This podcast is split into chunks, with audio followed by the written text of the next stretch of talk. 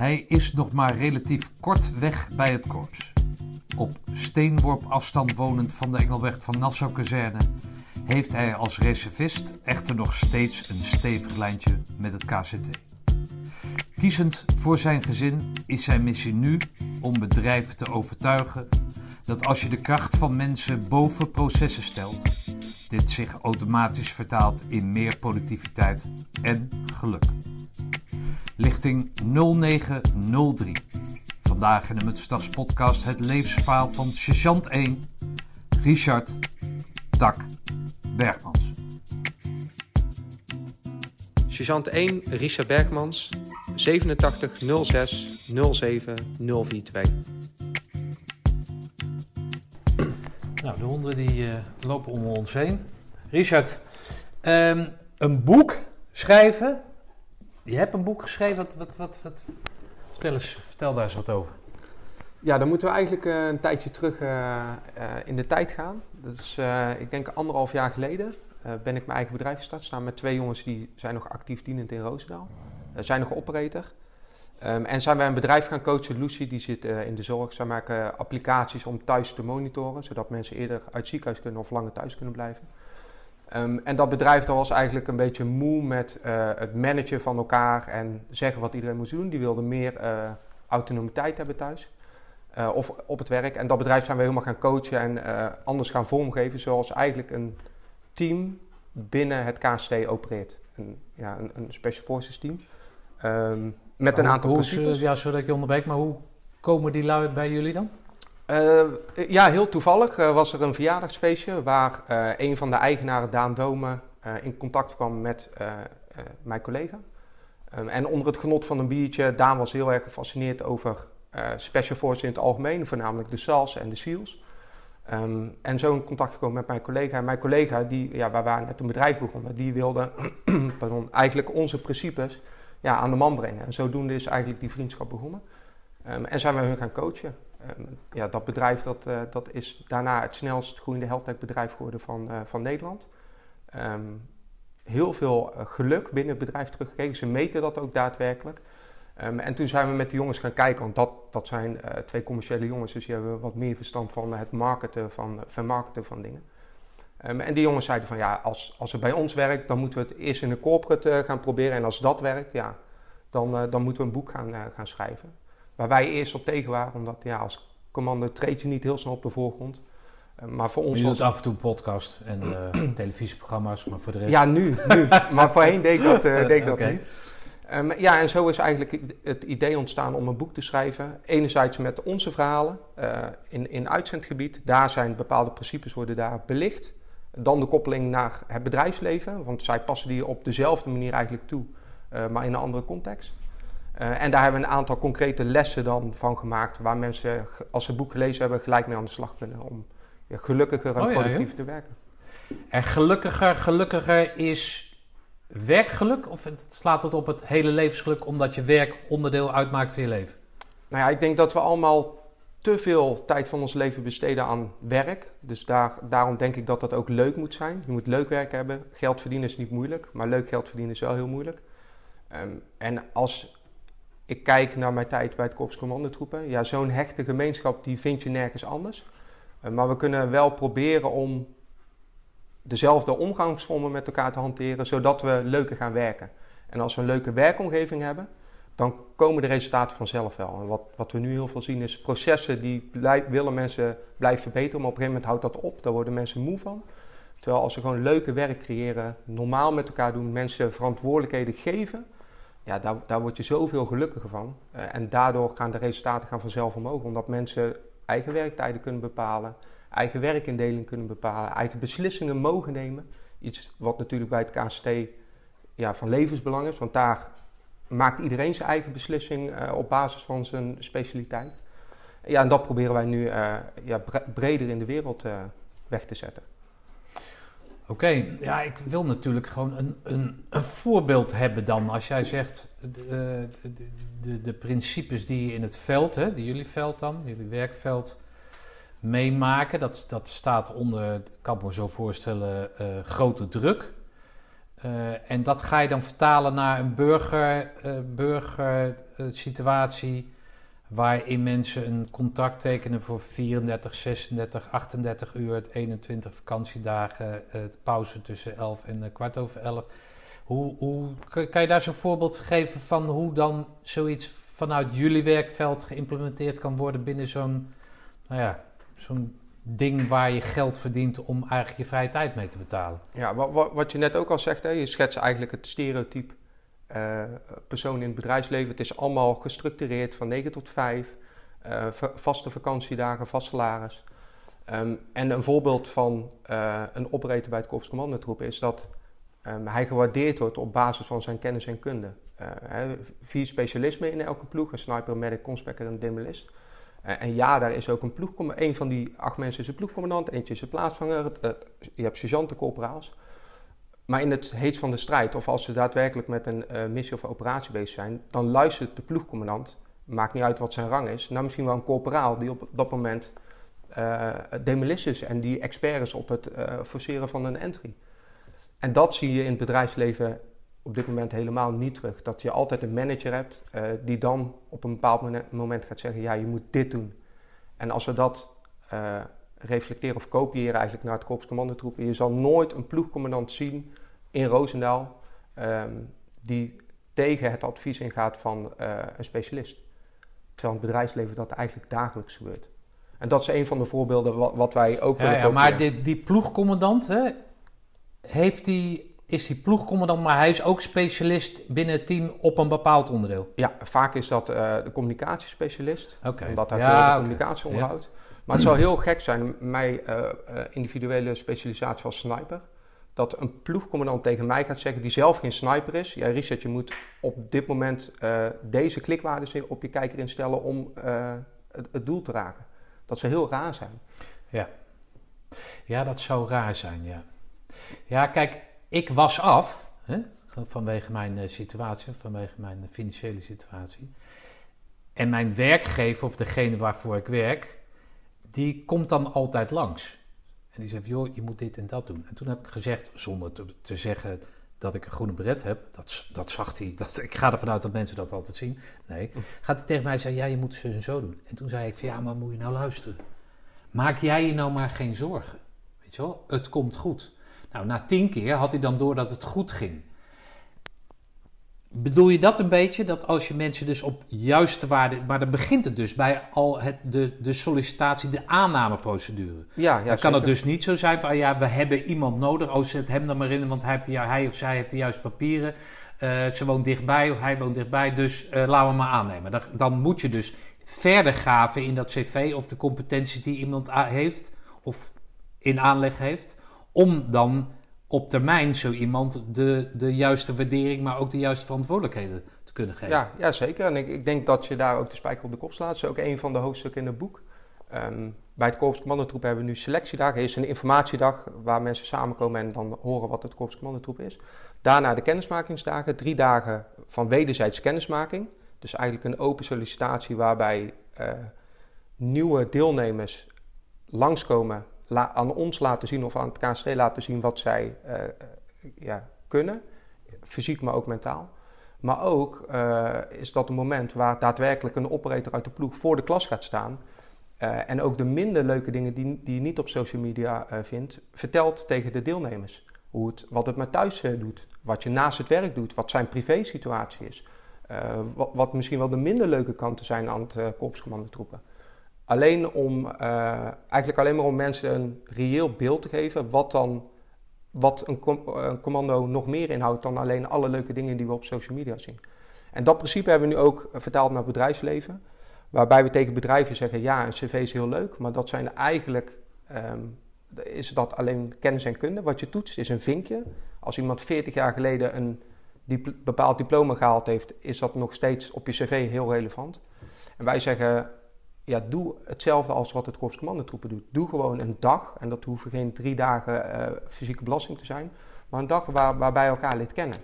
En kijk dan of mensen uh, dezelfde normen en waarden hebben, dezelfde kernwaarden hanteren, dezelfde bloedgroep hebben, hoe we dat uh, bij het KST doen. Dus als jij een, een, baan hebt waar bijvoorbeeld EHBO noodzakelijk is.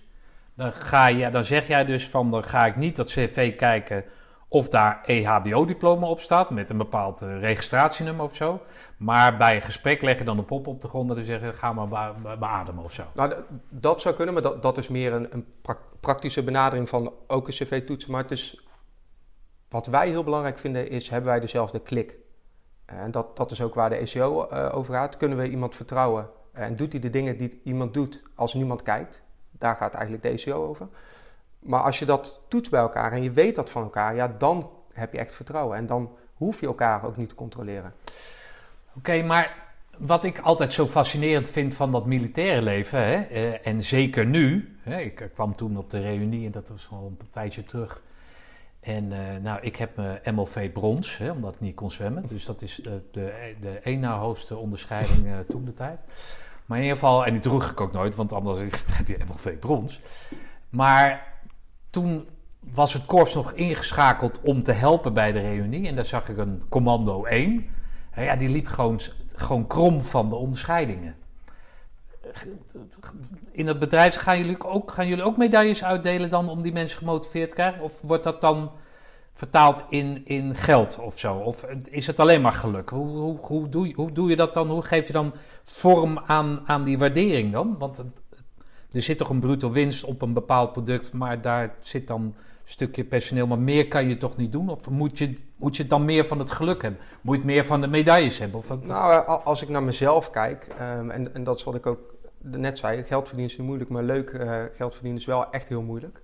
Um, en wij merken nu bij de bedrijven die we de laatste anderhalf, twee jaar getraind hebben, dat, en zeker van mijn generatie, begin, uh, begin 30, ja, die mensen vinden het gewoon belangrijker om gelukkig te zijn en waardering te krijgen in hun werk. Dat, ze niet, en dat, dat kan doordat ze niet de hele tijd gecontroleerd worden, maar gewoon hun eigen uh, dagindeling kunnen uh, plannen.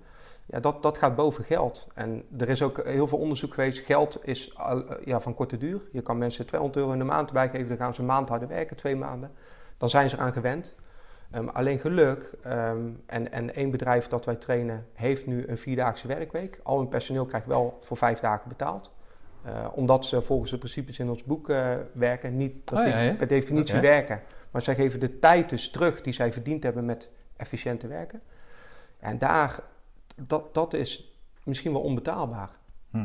En, en dat, dat is ook hè, hoe wij nu aan tafel zitten. Je, je merkt toch, we zijn helemaal niet van dezelfde lichting. Maar omdat we dezelfde normen en waarden hanteren, ja, is het toch wel een klik. Ja.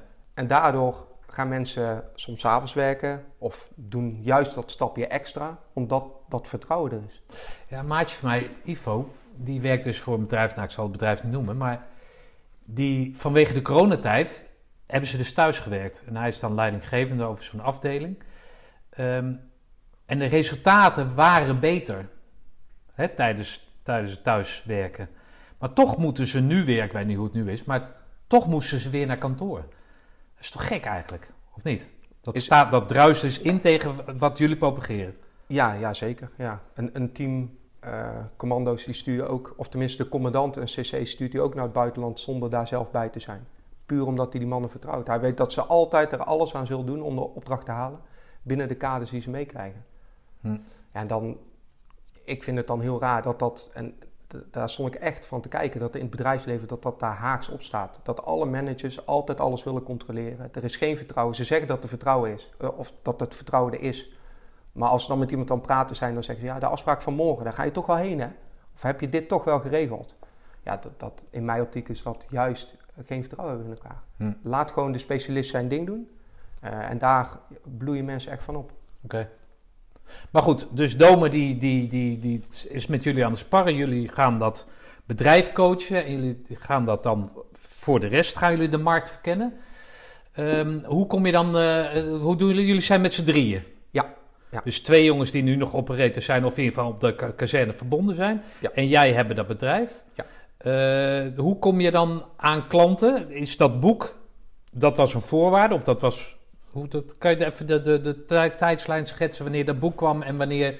Ja, het boek is nog uh, is redelijk recent uitgekomen, in oktober dit jaar. Um, en we merken wel dat dat nu iets losmaakt in, uh, ja, in de samenleving is een groot woord, maar wel in, in, een, be, in een beperkte ja. uh, groep daar, daar, daarin. Enerzijds omdat mensen zien wat commando's doen. En ja, er staan hele leuke verhalen in, maar we gaan het echt niet over schieten hebben. En dat is namelijk helemaal niet interessant. Maar het is wel interessant hoe we daar komen met de groep. Of als individu en wat dat met de persoon doet. Ehm, dus toen mensen dat boek lazen, ja, nu krijg ik heel vaak de, de vraag, ja, maar eh, het boek heet Greenon, van het lampje wat in het vliegtuig eh, op groen gaat. Uh, omdat we een stap willen zetten, je moet iets doen. En nu komen heel veel mensen, ja, maar hoe moeten wij dat dan concreet gaan doen? Ja, dat lijkt me Help ons eens daarbij. En daar is ons bedrijf Trifront uh, mee bezig om dan mensen actief te laten zien, te laten ervaren en te helpen hoe ze dat in hun eigen bedrijf kunnen implementeren. Oh, mooi. Dus iets heel anders dan een ja, paar jaar ik geleden. heb Peter Kortel, dat is een, een kerel die bij uh, Otto van Wigge, uh, met Otto van Wigge dezelfde lichting de groene bret heeft gehaald. Die is, nou ik denk, 35 jaar al, uh, misschien wel langer, 40 jaar of zo, is die, heeft hij een eigen garage. Echt vooruitstrevend met panelen, elektrische auto's en ik weet het allemaal niet. En die is bij Otto van Wigge een leiderschapscursus gaan volgen, omdat hij zich nog steeds verbaast over het feit dat zijn werknemers bepaalde dingen niet doen. APK-keuring. Heb je dan, hè, maar dat, dat is dus vraag die ik dan een soort via een omweg natuurlijk weer stel. Moet je dan zo'n kerel dan zeggen, heb je dat nou gecheckt of niet? Heb je dit gedaan of niet? Maar dus hij probeert wel dat vertrouwen weg te geven, maar dan is het toch... Of ze laten alles vallen, ja, 36 uur hadden we toch afgesproken. Of dat hij erachter komt van, ja, maar waarom? Ik heb toch 13 keer uitgedacht dat je dan even een wisseltje over dat raam moet halen. Waarom doe je dat nou niet? Weet je wel? En daarom is hij. Hoe, hoe, hoe doe jij dat dan? Hoe, hoe, hoe, vangen jullie dat aan? Hoe, hoe proberen jullie die mensen dan richting te geven dat je zeg maar. Hè, dus je komt in een bedrijf wat al zo lang draait. Hoe gaan jullie dat dan aanpakken? Gaan jullie beginnen bij de, bij de ondernemer of begin je, waar begin je? Nou, ik moet wel uh, eerlijk zeggen dat uh, bij het bedrijf die wij ge getraind hebben tot, nu toe. En echt wel, het is een, een radicaal andere manier van werken. Uh, dat ik denk 10% van de huidige werknemers dat niet aan kan. Enerzijds omdat zij uit een bepaald werelddeel komen en daar heel gewend zijn om uh, s ochtends aan de manager te vragen wat moet ik doen. Die, die kunnen gewoon niet zelfstandig werken. En anderzijds omdat er gewoon ook mensen zijn, en dat, dat is heel treurig, die van vergadering naar vergadering leven. Uh, eigenlijk geen, daar heel veel dingen vertellen, heel veel met ideeën komen, zelf niet de follow-up kunnen geven. Ja, die mensen passen niet in een, in een structuur waar ja, iedereen wel zijn eigen indeling heeft, zijn eigen taak uitvoert en zijn eigen verantwoordelijkheden neemt. Um, dus niet iedereen is ervoor geschikt. Maar waar we beginnen, ja, dat, dat, dat is lastig. Eerst kijken wat, wat de probleem is van het bedrijf, waar ze mee uh, struggelen. Um, en dan uh, mensen meenemen in, in een bepaald hoofdstuk van het boek. En dat kan zijn hè, het werken met rollen, met, met specialiteiten in plek van functies. Functies is heel groot, heel breed, valt van alles onder. Uh, en wat wij bijvoorbeeld doen is een functie allemaal opdelen of kijken in de functie welke taken en verantwoordelijkheden zijn er binnen die functie. Um, en die aan individuen geven. Dus dan wordt de functie wordt in één keer heel erg gespecificeerd. En iedereen in het bedrijf kan dan zeggen, oh, ik, ik vind bijvoorbeeld marketing of social media vind ik heel leuk, want dat doe ik in mijn vrije tijd ook. Daar wil ik een stukje van hebben. Um, en het zit al, vaak wel in hetzelfde spectrum, maar mensen kunnen daar dan deeltaken uitpakken. En dan wordt het in één keer heel overzichtelijk, omdat mensen weten wat het doel van die rol is, um, wat de verantwoordelijkheid is, naar wie ze moeten gaan en wat zij zelf daarin mogen en niet mogen. Uh, eigenlijk mogen ze alles, behalve uh, dusdanige beslissingen nemen dat het bedrijf langdurig gaat. En dan zie je gewoon dat mensen, als je dat uh, reflecteert naar het korps commandotroepen, als er iets met wapens gedaan moet worden, kijkt altijd iedereen naar de sniper, omdat dat zijn functie is. Ja. Als er iets met explosief is, en ja, dat, dat willen we ook naar het bedrijfsleven brengen. Dus dat je weet bij wie je moet zijn um, en dat dat uh, de lijntjes veel duidelijker maakt, omdat diegene ook de beslissingen daarover maakt. Oké. Okay. Nou, uh, heb ik ooit wel eens van McDonald's gehoord, dat, en ik weet niet of dat waar is, maar dat vond ik een hele goeie, dat zij daar erin uh, nou niet gepompt hebben, maar gewoon verplicht hebben gesteld dat als ik als productiemedewerker aan de andere productiemedewerker iets geef, omdat jij de hamburger af moet maken met augurk, dat ik altijd alsjeblieft moet zeggen. En een stukje vriendelijkheid, waardoor, en, en dat wordt dan een automatisme, en waardoor het gewoon, hè, ik had vanochtend met Jan Bart, een vriend van mij, over de telefoon ook over, dat een, een vriendelijke benadering van, van elkaar hè, het geluk, het werkgeluk ook al verhoogt. Leggen jullie daar ook, zit dat ook in het boek verweven of niet? Ja, jawel, zeker weten. Want ehm, een voorbeeld daarvan is als, als wij lezingen geven of wij eh, staan voor de klas, dan moeten we eerst even dat stereotype commando weghalen. Waar we, waar we het voor, eh, nou, dat lukt jou zo, want je ziet er echt niet uit. Nee, maar dat, dat is wel, en dat, helaas heert, heerst dat nog steeds, dat ze denken dat Rambo is, die eh, kelen Ja, doorsnijdt. brede Kees, die, die, die, Die wel, ja. Dat is de stereotype. Ehm, en, en een van de hoofdstukken in het boek is ook het thuisfront. Ehm, want zonder thuisfront ja, kunnen we ook niks. En daar Defensie breed, maar zeker het KST, steekt daar heel veel tijd in. Ehm, omdat als je geen headspace kan creëren, geen ruimte in je hoofd kan creëren, op wat voor manier dan ook, en geen support hebt van thuis, ja, wie ben jij dan als individu? Hoe ga je dan presteren op je werk? Hm. Eh, dus daar proberen we echt wel veel eh, aandacht aan te besteden. Van ja, leuk, altijd pieken. Een elektrische auto kan ook heel lang rijden, maar op een gegeven moment is de accu leeg.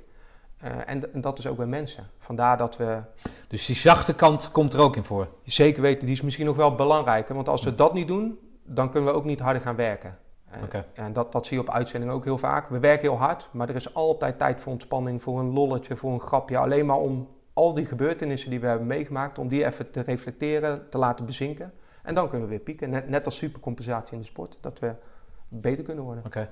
Komen jullie ook wel eens bij bedrijven waar je van nou, zeg maar een oriënterend gesprek denkt van nou, dit gaat niet worden? Omdat de kerel, de vrouw, weet ik veel, die bovenaan staat in de piramide en niet voor open staat, het wel zou willen, maar gewoon dat het niet past in hem, zijn of haar. Nou ja, ze, ze willen het wel verkennen, maar eh, ik denk dat de mensen die niet onze denkwijze ambiëren, dat die ons helemaal niet gaan contacten. En dat, dat is ook prima. Die moeten doen wat ze doen, want daar zijn ze heel gelukkig mee en waarschijnlijk heel goed in. Ehm, alleen ja, niet, niet voor eh, de visie die wij hebben. Oké. Hoe komen jullie aan je klanten? Eh, veel via social media. La- De laatste eh, periode ook twee keer benaderd door oud-commando's. Die het boek dan lezen en ja, zichzelf daarin herkennen. Want het is niets nieuws wat wij doen. Want sinds 42 worden commando's al zo opgeleid met dezelfde normen en waarden. Eh, dat, dat proces in basis is nog steeds hetzelfde in de ECO die nu draait. Dus daar zie je heel veel vergelijkenissen in. En, en ja, die mensen hadden mij contact van... Hey, dit is zo leuk, ik zie mezelf hierin. Ik zie hoe ik op mijn werk ben.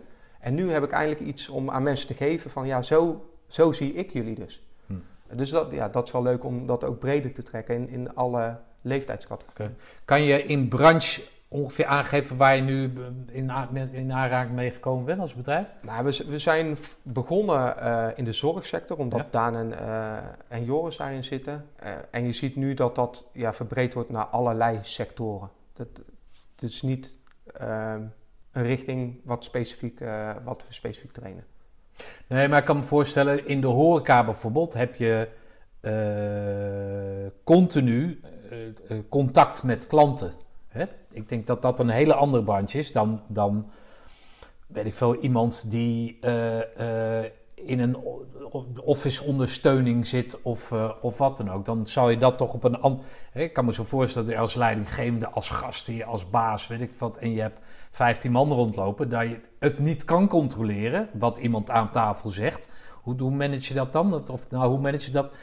Zit je, zit je meer op de kantoorfuncties of doe je ook andere dingen? Doe je Nou, wel, wel meer op het kantoor. En dan niet zozeer dat mensen eh, op een kantoor moeten werken, want vaak is dat niet relevant. Als mensen door heel het land werken, dan moeten ze zeker autonoom lekker thuis werken, asynchroon. Eh, maar wel meer in bedrijven waar mensen ehm, in verschillende hoeken samenwerken. Vanuit verschillende kanten eh, uit, van het land misschien wel. Oké. Jij doet dat met twee andere kerels. En die, die, waar, waar- die zitten nog eh, in dienst. Ja, ja, in het boek heten ze ook eh, Thomas en Frank. Dus niet hun echte naam. Oh, Ja, oké. Ja, Waar ken jij die lui van? Ehm, eh, alle, alle drie bij de 105 gezeten. Ja. zij zitten daar nu nog. En ja, een dusdanige band daar opgebouwd, net zoals met iedereen. Alleen zijn wij, ik denk vier jaar geleden, een keer gevraagd om een fysieke training te geven voor een sportschool. was een high-end sportschool in Nijmegen. En die wilde geen bootcamp, eh, maar ja, iets uitdagendes. En zo zijn we eigenlijk eh, dat met z'n drie gaan doen. En zo is dat uitgebouwd tot wat we nu doen. Nu doen we helemaal niks fysieks meer. Uh, maar zijn we erachter gekomen dat we het gewoon heel leuk vinden om wat we bij het KST onbewust geleerd hebben. Want dat is wel heel grappig. Wij vinden helemaal niets wat we gedaan hebben bijzonder. Echt helemaal niets. Maar als wij dat tegen normale mensen vertellen. Ja, normaal is het verkeerde woord, maar mensen uit, die Ja, niet bij het feestje zitten. Ja, die, die steken daar gewoon heel veel van op. Terwijl wij denken, ja, maar dit, dat is toch helemaal niet bijzonder dat je iets voor elkaar over hebt. Ja, dan heb je het niet over wapensystemen en dat soort dingen, maar gewoon intermenselijke relaties met elkaar. En daar bij het KST, zeker door de commandoopleiding, zijn gewoon bepaalde normen Noem eens, en noem, waarden. eens, noem eens iets, ja, misschien is het voor mij geen geheim, voor de luisteraars ook niet, maar noem eens iets waar andere mensen nou verbaasd over staan. Met Peter Kortel was dat namelijk ook zo. Hè? Die is dus al 35, 40 jaar uit dienst, dus die garagist, om het zo maar te noemen. En die, is nog steeds, die mist dat nog steeds. Weet je wel, dat, dat, nou, wat, wat, wat mist hij dan? Nou Ja, de- een voorbeeld geven waar andere mensen dus van te kijken staan? Nou, maar iets wat, wat, wat Defensie breed is, hè, tijd is tijd. Heel veel mensen, ook als ik nu weer eh, bij klanten kom, heel veel mensen komen te laat. En te laat komen kan, dat kan iedereen gebeuren, maar laat even weten. Maar het interesseert ze dan ook niet. Eh, maar ook het, het echt geïnteresseerd zijn in mensen. Het oprecht vragen hoe, iets, hoe het gaat. Ja, dat, dat zie je eh, in het bedrijfsleven ook niet veel. Nee? Nee, dat zie ik echt niet veel terug. Niet dat het echt oprecht is. Eh, dat maar is meer op zijn Amerikaanse. eh, Ja, what's ja? En, eh, ja, eh, Ja. en voor de rest, of je nou kanker hebt of, eh, of wat dan ook, het maakt niet uit. Het gaat goed. Ja, maar dit, hè, van, van de week heb ik ook eh, de podcast, eh, jouw vorige podcast eh, geluisterd. Eh, en daar vertelden jullie ook Leave No Man Behind. Nou, dat, dat is natuurlijk heel extreem in, in, eh, in uitzendsituaties. Maar nu met corona zie je in het bedrijfsleven ook dat mensen gewoon keihard eh, worden laten vallen. Eh, omdat ze ehm, het minder hebben of moeilijk hebben. Ja, bij het KST is dat geen optie. Dan bel je elkaar even op en dan vraag je op zijn minst hoe het gaat. Of kan ik iets voor je doen? Kan ik werk van je overnemen?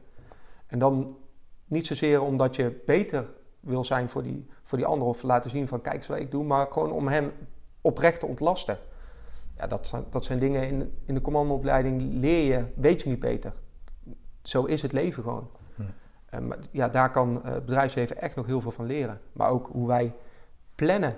Ik was van de week bij een multinational en daar hadden we het over hoe plannen jullie dan?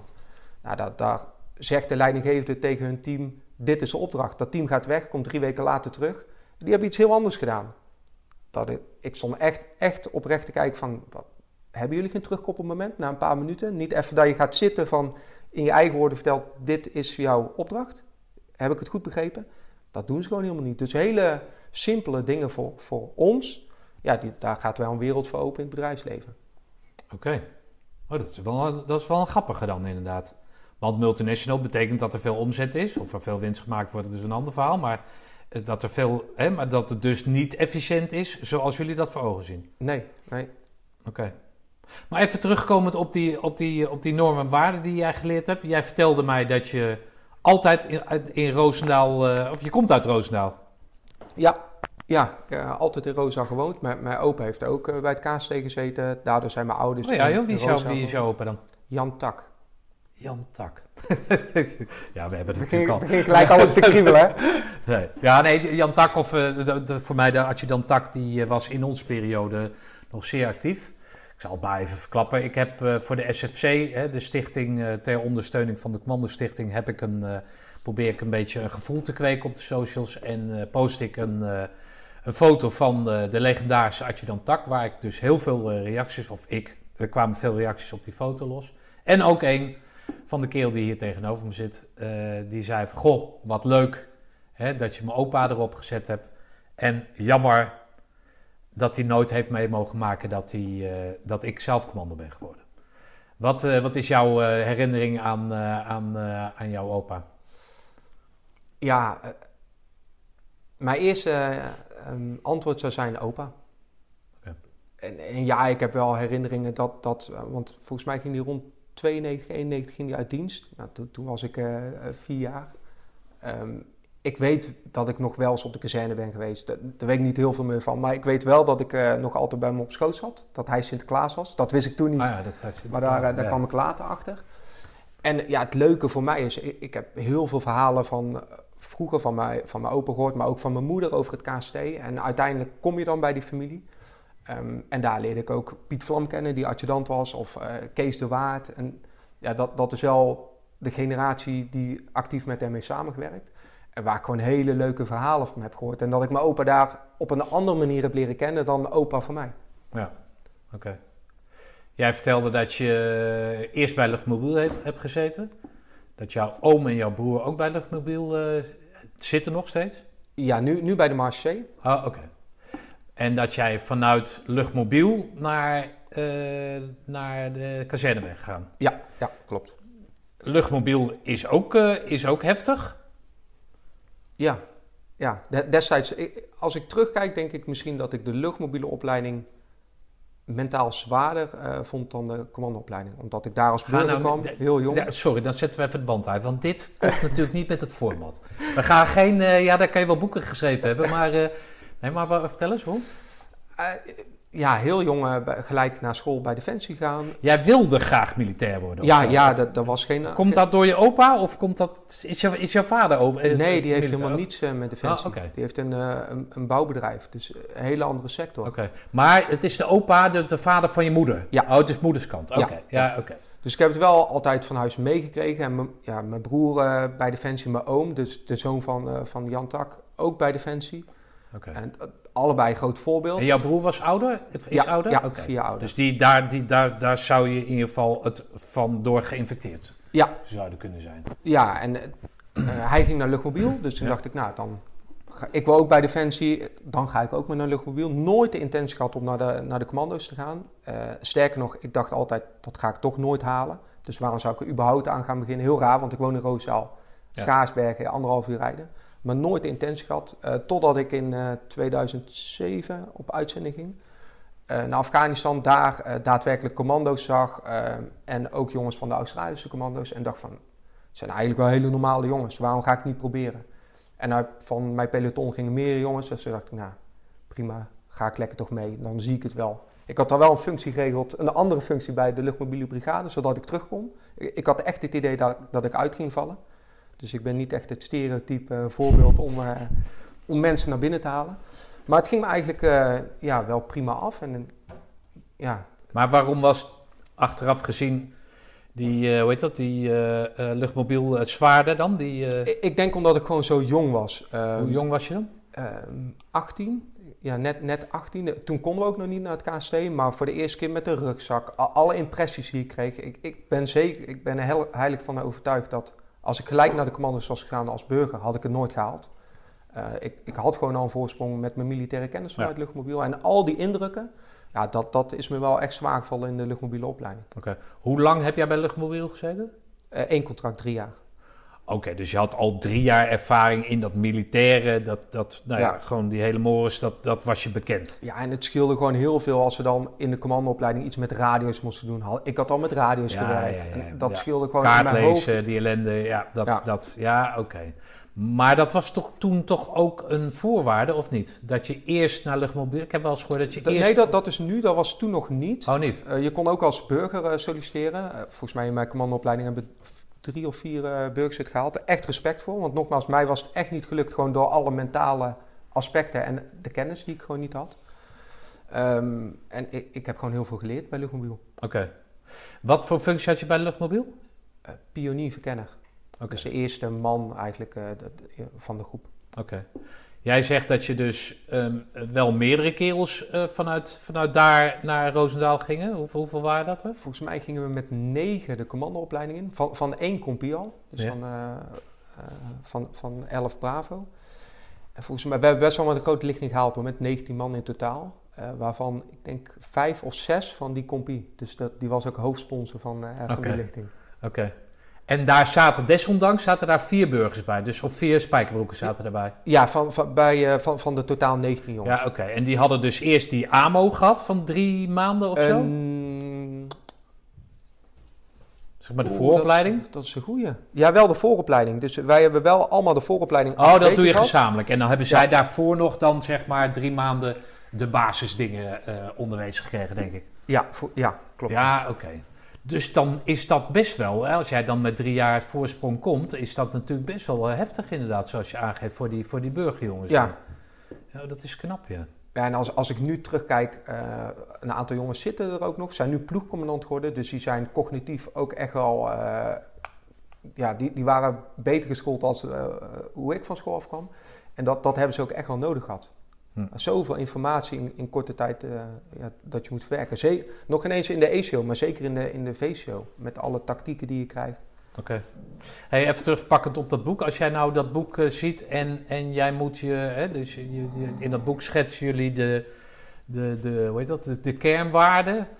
Uh, kan je eens even heel grofweg aangeven, want die ECO laat je een paar keer vallen als leidend, hè, of soms leidend. Hoeveel je nou in dat boek verwerkt hebt uit, uit die ECO en, en wat da daarna is. Want bij die ECO begint het natuurlijk. Jij hebt al drie jaar daarvoor luchtmobiel gehad. Maar in die ECO, die waarden die je daar specifiek hebt meegekregen, hoeveel zit daar nou in dat boek? Ja, ik denk onbewust is dat door hele... Onbegrijpelijke vraag, maar je snapt hè? Ja, maar Dat, eh, onbewust zit wel door hele boek verweven. er is één hoofdstuk wat gaat over de, de selectie. Nou, daar is expliciet uh, over vertrouwen. Hoe, hoe, wordt dat nou gecreëerd bij het KST op waarde van... Op, of op de vijf kernwaarden. Moet dit eruit trots beleid? hey, niet doen. En, en dat is ook mooi, want iedereen kent ze bij het KST. Er wordt ook echt op geselecteerd. In het bedrijfsleven, als je vraagt wat zijn de kernwaarden... Bijna niemand weet het. Je moet geluk hebben als de CEO het zelf weet.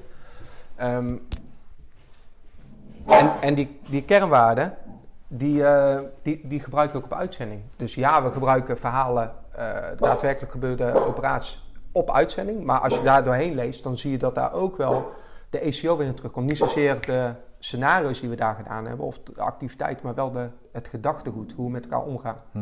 Ja, en daar wordt natuurlijk het, het zaadje wel geplant in de commandoopleiding. Ja,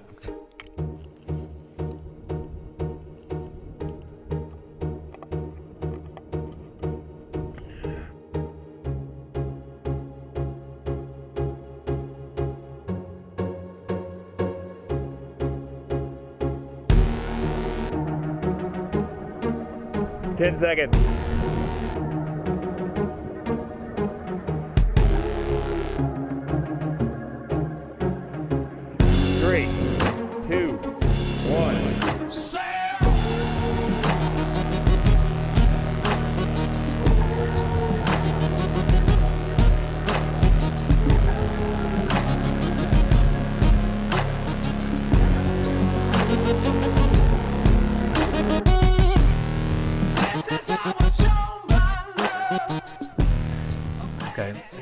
Met de man of 19 uh, overgebleven. Met zoveel beginnen jullie die uh, eh, ECO in? Volgens mij zijn we met 4 of 85 begonnen aan de vooropleiding. Met 54, 55 begonnen aan de commandoopleiding. En 19 uh, eh, de ECO ingegaan. Oké. En uiteindelijk zijn er nog wat jongens in de VCO bijgekomen van vorige lichtingen. En zijn we ook met 18 of 19 man hebben de VCO gehaald. Dus best wel een grote lichting. Oké, is dat een grote lichting? Ja, ja zeker. Ja. Oké. Want gemiddeld komen er. Ja, ik denk nu een mannetje of uh, tien. De laatste was wel groot, toch? Ik weet het is kort geleden heen geweest. Ja, was ook best wel een grote, ja. Maar volgens mij, ja, ik denk 14, 15. Ja, oké, dus dat is groot. Ja, wij praten natuurlijk over heel andere getallen. Maar 14, en, en dat komt omdat. Uh, waar, waar ik, komt ik heb gewoon de Super CCO ooit gehad. Ja, nee, maar dat had ik al van meerdere gehoord. Oh, naar Richard. Ja. Oh, Richard bonuspunten. Ja, nee, die. Ja, nee, die kennen we wel. nee, ik, ik heb echt geen idee. Oké. Ik, ik, blijf terugpakken op dat boek. Hè? Maar, maar, maar, maar, bij dat schrijven van dat boek moest je dan ook denken, hè? Als, jij, als jij bedrijfsprocessen wil aansturen, zeg maar, andere mensen gaat vertellen over hoe wij het doen, hè? of hoe jullie dat doen. Denk je dan ook wel eens aan die kerels die dan zijn afgevallen? Schiet dat er wel eens door je, door je hoofd heen van ja, die paste er ook niet bij. Of die, of... Nee, niet, niet tijdens het schrijf, schrijfproces. Nou, niet zozeer over de keel specifiek, maar, over waarom zo iemand dan ja, is nu afgevallen. je de vraag zo concreet stelt. Eh, ik denk wel dat er uh, zeker jongens die afgevallen zijn, waar, waar ik het nog van kan herinneren, die niet fysiek afgevallen zijn. Als ik daar nu op terugkijk met de kennis die ik nu heb, ook als instructeur van de commandoopleiding, dan hadden ze niet dezelfde kernwaarden of passen ze, hadden ze niet dezelfde bloedgroep. Die hadden allemaal wel iets gedaan of die, die dachten dusdanig anders dan de rest die het wel gehaald heeft. Oké. Okay. Doet, nou eens op. Kappen nu. Nou, jij vertelt al dat, dat uh, en dat, dat, nou, dat is ontroerend, dat je opa niet heeft mee mogen maken dat je die groene beret hebt gehaald. Um, Wanneer kreeg jij dat vaste vraag hoor, maar wanneer had jij het gevoel van, nou, dit zou ik wel eens kunnen gaan halen? Um, vrij snel uh, toen ik in Rosa kwam. dat ik echt zag van, oh, het zijn eigenlijk gewoon normale jongens. Doen, zijn niet fitter, sterker, slimmer dan dat ik ben. Dus ja, als zij het kunnen, dan kan ik het ook wel. Oké. Oké, nou, dat, dat, Dus dat was heel Ja. anders dan... eh, ja, er heerst gewoon een hele erge mythe. En die, die zijn ze nu echt wel de laatste jaren weg aan het nemen. Maar ook bij andere eh, landmacht- of krijgsmachtsonderdelen. Ja, wat, wat dan een commando is en wat, wat hij moet kennen en kunnen. Hm. En dat stereotype had ik echt van... Ja, een grote jongen. Ik, ik dacht, ik ben helemaal niet zo fysiek fit. Wat ik wel was. Maar in mijn, ja, in mijn optiek was, was dat echt wel iemand die veel hoger stond dan commando. Ja. Maar wat helemaal natuurlijk niet zo is. Goed, we hebben dus een bepaalde zekerheid. Ehm, maar wat, wat gaat er dan eh, door je heen als je dan ook daadwerkelijk die eh, groene bret binnen bereik hebt? Wat, wat, Ja, ben jij zo'n coole Nee, kikker? het was natuurlijk een super mooi moment om, om eh, de tranenpoort binnen te lopen en, en in Rosa aan te komen. Maar dat, dat is met alles in het leven een beetje vergelijkbaar met een auto. Een nieuwe auto kopen is super leuk. Het uitkijken naar de nieuwe auto is fantastisch. Maar als je hem hebt, dan went dat heel snel. Ja, en dat, dat heb, je doet super leuke dingen in Rosa. Je zoekt telkens opnieuw je grens op. Maar ja, dat, dat heb je wel. Heel, het went heel snel dat je commando bent. Omdat het dan in één keer niet zo bijzonder is. Wat het wel is natuurlijk. Nee, maar op het moment zelf. Ja, dat, dat was super mooi. mijn oma leefde toen nog, dus die stond daar. Eh, m- mijn broer eh, zat in de opleiding eh, van de BSP. Mijn oom was er, ook, eh, die daar ook werkt. Ehm, je ziet je ouders staan. Ja, dat, dat is wel een super mooi moment natuurlijk. Ja, Het moment wat iedereen kent. Ja oké, maar omdat, omdat jouw opa zo'n zo'n markant figuur is geweest binnen diezelfde gemeenschap, dan loop jij de, dan zie je jou, de dochter van jouw opa, hè, van jouw opa, dus jouw moeder, en jouw oma, die datzelfde leven heeft, hè, wat jij dan tegemoet gaat, die zie jij dan aan je voorbij gaan als jij die poort binnenloopt. Gaat er dan nog iets van historisch besef door je heen van, nou, nou ben ik er net zo een als mijn opa? Of Nou, niet, niet van dan ben ik er net zo het nou? één. Meer, eh, ik, ik weet wel dat ik voor het monument stond. Dat vond ik een heel mooi moment. Maar misschien nog mooier, ehm, volgens mij was het met cursistenavond. Dus voor, eh, voor de eindoefening. Ehm Rien Broeders was mijn ECO, eh, commandant ECO. En die, eh, ja, ook een mega markant figuur natuurlijk. Die kwam eh, op de cursistenavond naar me toe. Toen waren we ook op het tentenkamp. En toen zei hij van, ja, toen heeft hij me meegenomen naar het graf van mijn opa. En toen wat hebben we daar even gestaan. En ik denk dat ik dat nog wel mooier vond. Oh, dan, op een andere manier mooi natuurlijk dan eh, de tranenpoort binnen. Dat, dat was wel een heel, ja, heel apart moment. Dat Wat zei hij toen? Wat, wat, weet je dat nog? Ja, het was een moment dat, eh, dat hij vertelde dat hij het ook heel lastig had in de ECO. Hij is ook een keer uitgevallen in de ECO. En volgens mij was het vroeger zo dat je, mag, dat je daar dan geen kans had om nog een keer eh, mee te nemen of deel te nemen. En dat mijn opa toen tegen hem heeft gezegd van ja, maar ik ben de adjudant, ik bepaal of je wel of niet nog een keer mag. Jij mag nog een keer. En dat, dat voor hem eigenlijk nog, hij nog een keer de kans kreeg om commando Hm. te worden. En dat is hij toen ook geworden. Dus dat, ja, voor hem was dat ook een heel mooi moment en een dankbaar moment om dan de Ja, ja. kleinzoon van Jan Ja, dat verhaal daar tegen te vertellen. ja oké. Dus een o- jouw opa heeft hem gematst en hij matste jou even. Nee, ja, dat, dat, is, dat is een korte samenvatting. Nou, Bergmans, ik Ja, dus ben blij met zo'n opa. in de opleiding eh, noemden ze mij ook nooit Bergmans, maar altijd Tak. Oké. Hey, en dan, eh, nou, dan krijg je die, eh, die hele pracht en praal en dan, dan ga je, dan word je commando dus. Dan ben je commando. Hoe ziet, wat, wat, wat, wat zie jij dan? Wat, wat denk jij dan wat er, wat er gaat gebeuren? Of hoe zie jij je toekomst dan op dat, eh, dat moment? Of heb je, zit je dan nog zo in die roes van opleiden, beter worden, de beste worden? Nou, dat je- ik, heel trots natuurlijk, want je bent commando. En op dat moment besef je niet dat je pas commando bent. Dat komt pas later als je heel veel leuke dingen hebt gedaan. Maar dan begint het eigenlijk pas. Dan heb je laten zien dat je dezelfde normen en waarden hebt. Ehm, dat je basiskwaliteit hebt. Maar in de voortgezet commandoopleiding, ja, dan ga je taakinhoudelijk ga je allerlei dingen doen. Eh, alle leuke dingen doen, alle dingen die je op social media ziet. En dat maakt het wel heel speciaal, heel ehm, intensief, maar wel heel leuk. Oké. Wat, wat, wat, wat vind jij dan leuk? Kijk, ik heb parachute gesprongen. Ja.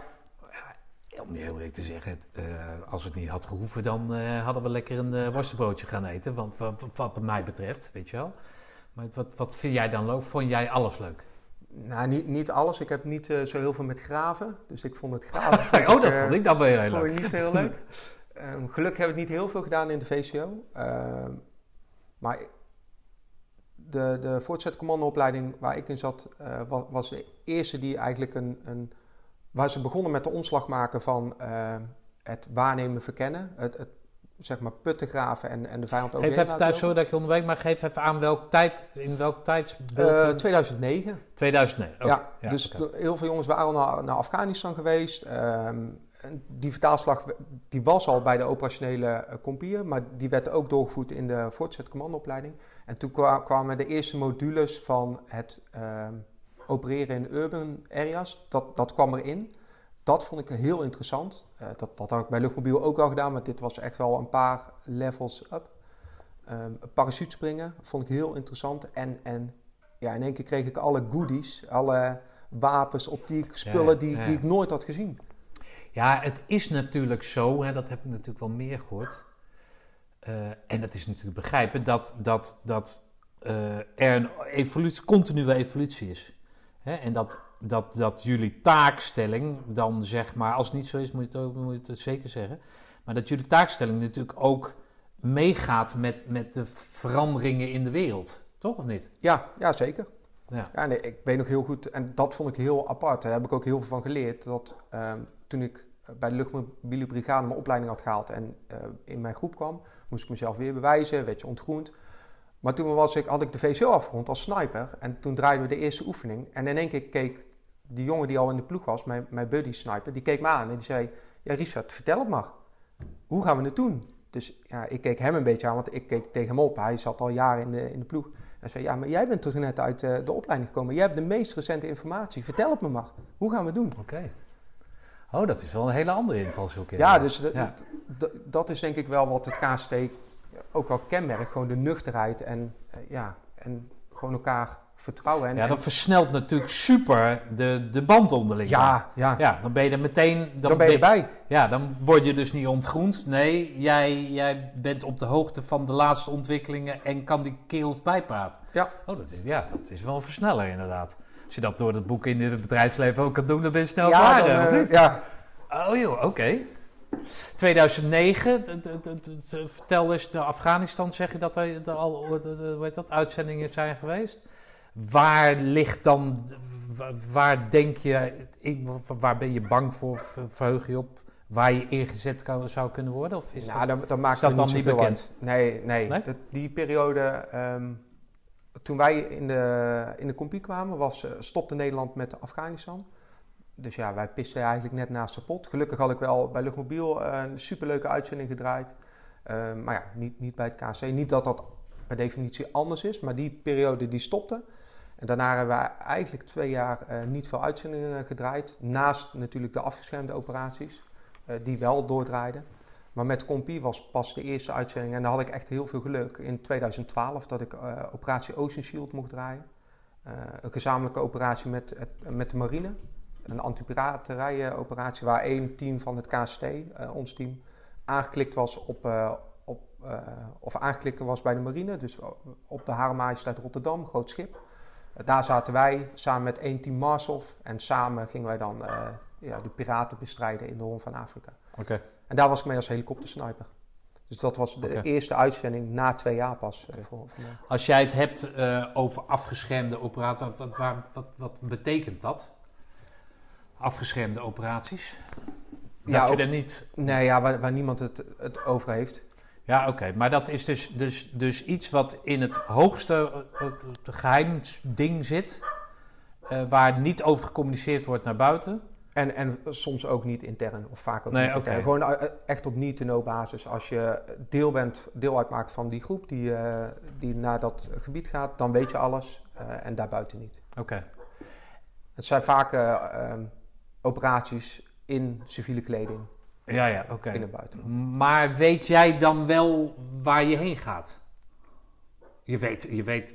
Ja, ja, zeker. Er zit gewoon een opwerktraject en net als Oh, andere uitzending. ehm, alleen ja, je, je gaat niet kinetisch iets doen met een hele eenheid. Vaak met een team van een aantal personen naar een, een gebied.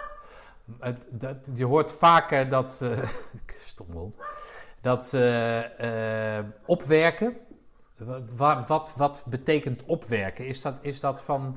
Ik moet een marathon gaan lopen en dan bouw ik hem op met vijf kilometer en dan zorg ik dat binnen een maand een marathon kan lopen? Nou ja, de- op zich wel een goede vergelijking, want zo werkt het wel. Eh, er zit een aantal, het KST werkt in, in een remiek van een aantal maanden, hè, opleiden, eh, opwerken, opwerken voor uitzending op uitzending en dan weer terugkomen. En het opwerken voor uitzending, eh, omdat het KST eh, nu, nu begint steeds meer te komen, maar niet alle mensen in huis heeft om een gehele missie te draaien. Denk aan mensen van de explosieve opruimingsdienst, eh, mensen misschien wel van een specifieke logistieke eenheid die we niet in huis hebben. Die worden allemaal in die familie gestopt. Eh, en het is wel belangrijk dat die samen kunnen trainen voordat ze op uitzending gaan. En dat noemen we opwerken. Dat is een, periode van een aantal maanden vaak. Waarbij eh, de operators ehm, al, al gaan trainen in de context waar ze straks de uitzending gaan doen. Bijvoorbeeld in Mali was dat heel veel met voertuigen optreden. Nou, dan in dat opwerktraject zit heel veel werken met auto's, met quads. Eh, voor de staf betekent dat hoe gaan we dan weer plannen. De hele planningsproces wordt opgestart. Maar voor al die enablers eh, ja, is dat ook Enablers zijn? eh, mensen buiten, van buiten Ah, het KST. Dus eh, specialisten, Specialisten, die, die ja, worden. Ja, hoe, hoe werkt dan het KST? Hoe, hoe draaien zij operaties? Zij worden bij ons geïntegreerd. Wat doen we nou als we vuurcontact krijgen? Want die, ja, de functie van, van die jongens is dan net iets anders. Ehm, we gaan daadwerkelijk proceduretraining doen. Dus eigenlijk alles wat we verwachten in de uitzending tegen te komen, dat gaan we in dat blok eh, gaan we dat trainen. Oké. Dus dan kom je eigenlijk met wildvreemden, wel in dezelfde bedrijfstak, maar met wildvreemden die een ander specialisme hebben dan dat jullie kunnen, kunnen, kunnen meebrengen. En dat wordt tot een team gesmeed. Ja, ja en eh, voor grote uitzendingen, net als Afghanistan, eh, Mali eh, heel groot gedraaid, dan gaat er een hele compie op uitzending, dus een 100 eh, plus man. Ehm, ja, en dat zijn natuurlijk heel veel verschillende specialisten die dan op één hoop gegooid worden naast alle operators. De operators zijn maar een klein deel van die eenheid. Oké. Zijn dan, gebeurt dat op de kazerne gebeurt of kan je daar niks over zeggen? Dat gebeurt eigenlijk overal. Overal. dus een van de eerste dagen is een capability brief. Dus dan zitten we allemaal in een grote zaal. Dan wordt elke specialist gevraagd om iets over zijn eh, specialisme te vertellen. Bijvoorbeeld het, ehm, eh, of het, de jongens van de explosieve opruimingsdienst, de EOD, of de EOV, de elektronische oorlogsvoering, het uitpeilen van radiosignalen. Het is wel fijn dat wij weten wat zij doen, zodat elke operator weet wat we van hun kunnen verwachten. Maar ook wat, dat zij weten wat wij doen. Dus dat is gewoon een, een aantal dagen dat we gaan sparren. Nou, bij, bij korps gebruiken gewoon hele andere middelen, wapens. Is het voor al die enablers ook wel handig om te weten hoe onze spullen werken, zodat ze met onze radiosystemen kunnen werken. Dus best wel veel ehm, ja, dingen die we van elkaar even moeten weten en waar we daadwerkelijk eh, voor moeten trainen. We gaan ook naar Duitsland om eh, live fire eh, oefeningen te doen, te schieten met elkaar. Wat doen we als er een gewonde valt? Weten jullie hoe onze wapensystemen daadwerkelijk werken? Schiet eens een keer met een sniperwapen. Ehm, ja, om, om echt... Gewoon aan elkaar snuffelen en een team smeden. Ja, inderdaad. Oké. Daar zitten mensen bij, hè, dan geef je aan dat het, dat het mensen van buitenaf zijn. Daar probeer je daar dan diezelfde kernwaarden in te pompen of het zo dicht mogelijk te benaderen? Of, of... Ja, ja, zeker. En eh, wat je wel heel erg ziet is ehm, dat mensen heel positief verrast zijn over de familie, het korpscommandotroepen, hoe mensen met elkaar omgaan. Defensie is heel hiërarchisch over het algemeen. Nou, bij het KST is dat gewoon wat minder. Ehm, en juist die normale omgang, eh, het noemen van elkaar bij voornaam, nou, dat, dat is niet heel erg Is dat in de rest van Defensie, is dat niet? Nee, nee, nee. nee. Oké, nee, maar misschien voor de luisteraar die nog mijn podcast niet luisteren. Eh, eh, vroeger had je de corporaalsmes, onderofficiersmes, officiersmes. En dat is nu één grote mes geworden, hè? of restaurant, of weet ik, uitspanning in ieder geval. En daar noemt iedereen, eh, eh, eh, dat is niet meer aan rang geleerd, hè? Nee, nee. En ook in... Gewoon Frank, Kees, Ja, eh, en ook Richard in, in, de, en, in de ploeg van het KST werken corporaals. Dat zijn de jongens die net in de ploeg komen. Het gros van de operators is sergeant. De plaatsvanger is sergeant 1. En de ploegcommandant is vaak luitenant. Heel soms kapitein. Eh, maar die rang en standen doen er op de kazerne en zeker op uitzending, die doen er helemaal niet toe. Dus voor die mensen is dat heel fijn om in één keer, want in zekere zin kijken ze toch tegen het command- korpscommandotroepen op, dat ze daar komen en heel normaal behandeld worden. Ehm, en daar merk je al dat daar echt wel een ja, mindset, een band al gecreëerd wordt om, om vertrouwen te creëren. Hm. En iemand die eh, bij de mortieren werkt, eh, ja, die wordt voor zijn specialist, voor zijn specialisme, wordt hij bij het korpscommandotroep gezet. Dus wij gaan ervan uit, alles wat met motieren te maken heeft, ja, daar kijken we ook naar die jongen toe. Daar zijn wij geen specialist in. Ja. En dat is voor hun natuurlijk heel fijn om dat vertrouwen in één keer te krijgen. Afgeschermd, hè, waar, je het net, eh, waar je het net over had. Hoe afgeschermd is dat dan eh, voor thuis? Hoe doe je dat thuis dan? Ja, ik- voor eh, de duidelijkheid, ik heb zelf nooit een afgeschermde missie gedraaid. Ehm, heel veel collega's wel. Ehm een van, eh, van mijn beste vrienden heeft laatst ook weer een afgeschermde operatie gedraaid. En thuis weten ze gewoon waar je naartoe gaat. Alleen ze weten niet wat je daar gaat doen. En dat, dat is natuurlijk wel... eh, eh, Waarom heb jij nooit een afgeschermde... ik heb, ja, het- je geeft er niet voor op. Op een gegeven moment zit je gewoon in, in de relatie. Ook door andere uitzendingen is dat er bij mij niet van gekomen. Ehm, ja, het, het is zo gelopen. Oké, baal je ervan? Is dat een aparte groep? Is dat het, Nee, zeker niet een aparte groep. Het, het is wel nee, maar ander- staan die lui altijd apart een biertje te drinken? Nee, En- helemaal niet hoor. Wij zijn afgeschermd. joh. Nee, helemaal niet. Nee? Het, eh, het, het is gewoon een ander type uitzending. Oké. Ehm, ander type optreden. Maar je wordt er niet op aangekeken als je het niet doet? Helemaal niet, nee hoor. Nee? Nee, en het is ook zo, de jongens missen ook weer andere dingen. Dus, en dat is eh, waarom operators altijd, of commanders altijd zo lang bij het korps commandotroepen blijven. Omdat iedereen altijd bang is dat ze iets missen.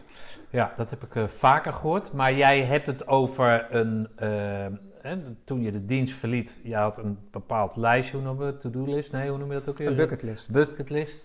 Die was afgestreept, nou daar komen we zo wel op. Daar stond een afgeschermde functie. Het, het, het, het, het doet er niet toe. Nee, ik- nee, maar dat komt ook, ik, ik heb er zelf niet, het is niet iets wat ik heel graag nog zou willen doen. Het is gewoon een ander type optreden. En nee, in, in oefeningen doe je het wel eh, heel vaak. Ja, ja, oké. Ik, ik heb zelf meer met kinetische operaties waar je ja, met allemaal bezig bent. Hey, die kerels van buiten dat korps, die specialisten. ehm, eh, ik kan me zo voorstellen dat er eh, door de band die je hebt, hè, uit die ECO en VCO en dan je, je actieve optredens, dat daar een soort vriendschap ontstaat. Met die kerels van buiten, kerels en vrouwen van buitenaf, die specialisten. De, klikt het dan zo af en toe dat je, daar, dat je daar bijvoorbeeld... Heb je, heb je nog contact met dat soort mensen? Ja, met, met eh, één eh, vriend inmiddels heel veel. Eh, die heeft zijn eigen airsoft locatie in Didam. Die is ook weg bij, bij Defensie. Heeft altijd bij de explosieve opruimingsdienst gezeten. Ehm Eén uitzending meegedraaid. Daarna ook nog een aantal oefeningen in Afrika meegedraaid. Ja, dat, dat klikt ook gewoon. Ik ik zeg niet dat hij ook commando had kunnen worden. Dat, dat helemaal niet. Maar eh, hij was supergoed in zijn werk. Gedreven in zijn werk. eh, alleen hij heeft ervoor gekozen om bommen op te ruimen. En ik voor gekozen om commando te worden. Ja, oké. Dus dat, dat, dat ja, oké. Nee, maar ik kan me zo voorstellen, omdat, je, omdat er dan geen hiërarchie en, en dat je dat specialisme, dat je, hè, zoals je eigenlijk dat boek dus ook hebt geschreven. Hè, als jij specialist bent, maakt niet uit of je groene bret hebt of niet, maar als je maar diezelfde mindset hebt, dan komen we tot het beste resultaat, toch? Ja. Werkgeluk. Dat je daar dan, dan iets, iets als een vriendschap uit, uit krijgt. Dat, dat lijkt mij mooi. Ja, zeker. En, eh, vaak eh, zeggen we het ook. eh, een communicatiespecialist niet zijnde groene beret dragend. Ja, die, die is misschien nog wel veel belangrijker dan, dan die optreedt. Ja. Want die doet uiteindelijk het, het laatste stukje, net als Max Verstappen van de week de race heeft gereden. Maar heel dat team eromheen, als we daar één schakel niet van hebben, ja, dan, dan opereert Max Verstappen ook niet. Ja. En dat, daar is het KST wel heel goed in om de mensen die geen groene baret hebben, om die te waarderen. Ehm, en op uitzending gaat er helemaal niet om of dat je groene baret hebt of niet. Het gaat gewoon om je expertise en hoe jij bent als persoon. Ja, oké.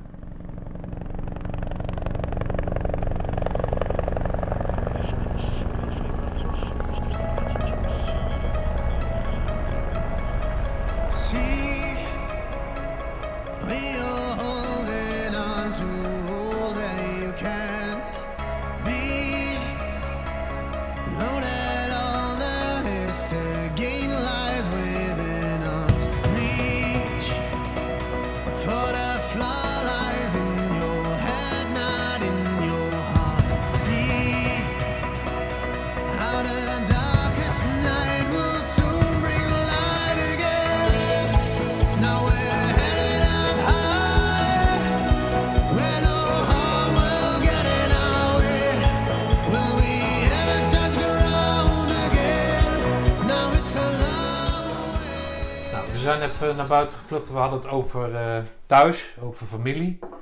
Dan komen die vreselijke kinderen, die vreselijk drukke kinderen komen ze thuis. Dus we zijn even boven gaan zitten. Vandaar dat de Nou, niet de kwaliteit als wel de, de, de, het een andere akoestiek is. Maar goed, dat terzijde. Familie. Jij eh, vertelt mij dat, eh, dat je afscheid hebt genomen na het afwerken van je bucketlist van het korps. Omdat je een gezin hebt. Kan jij eens beschrijven hoe jij eh, je vrouw die we net ontmoet hebben, of ik dan in ieder geval Vera ontmoet heb. En, en ja, hoe, heb je al lang verkering?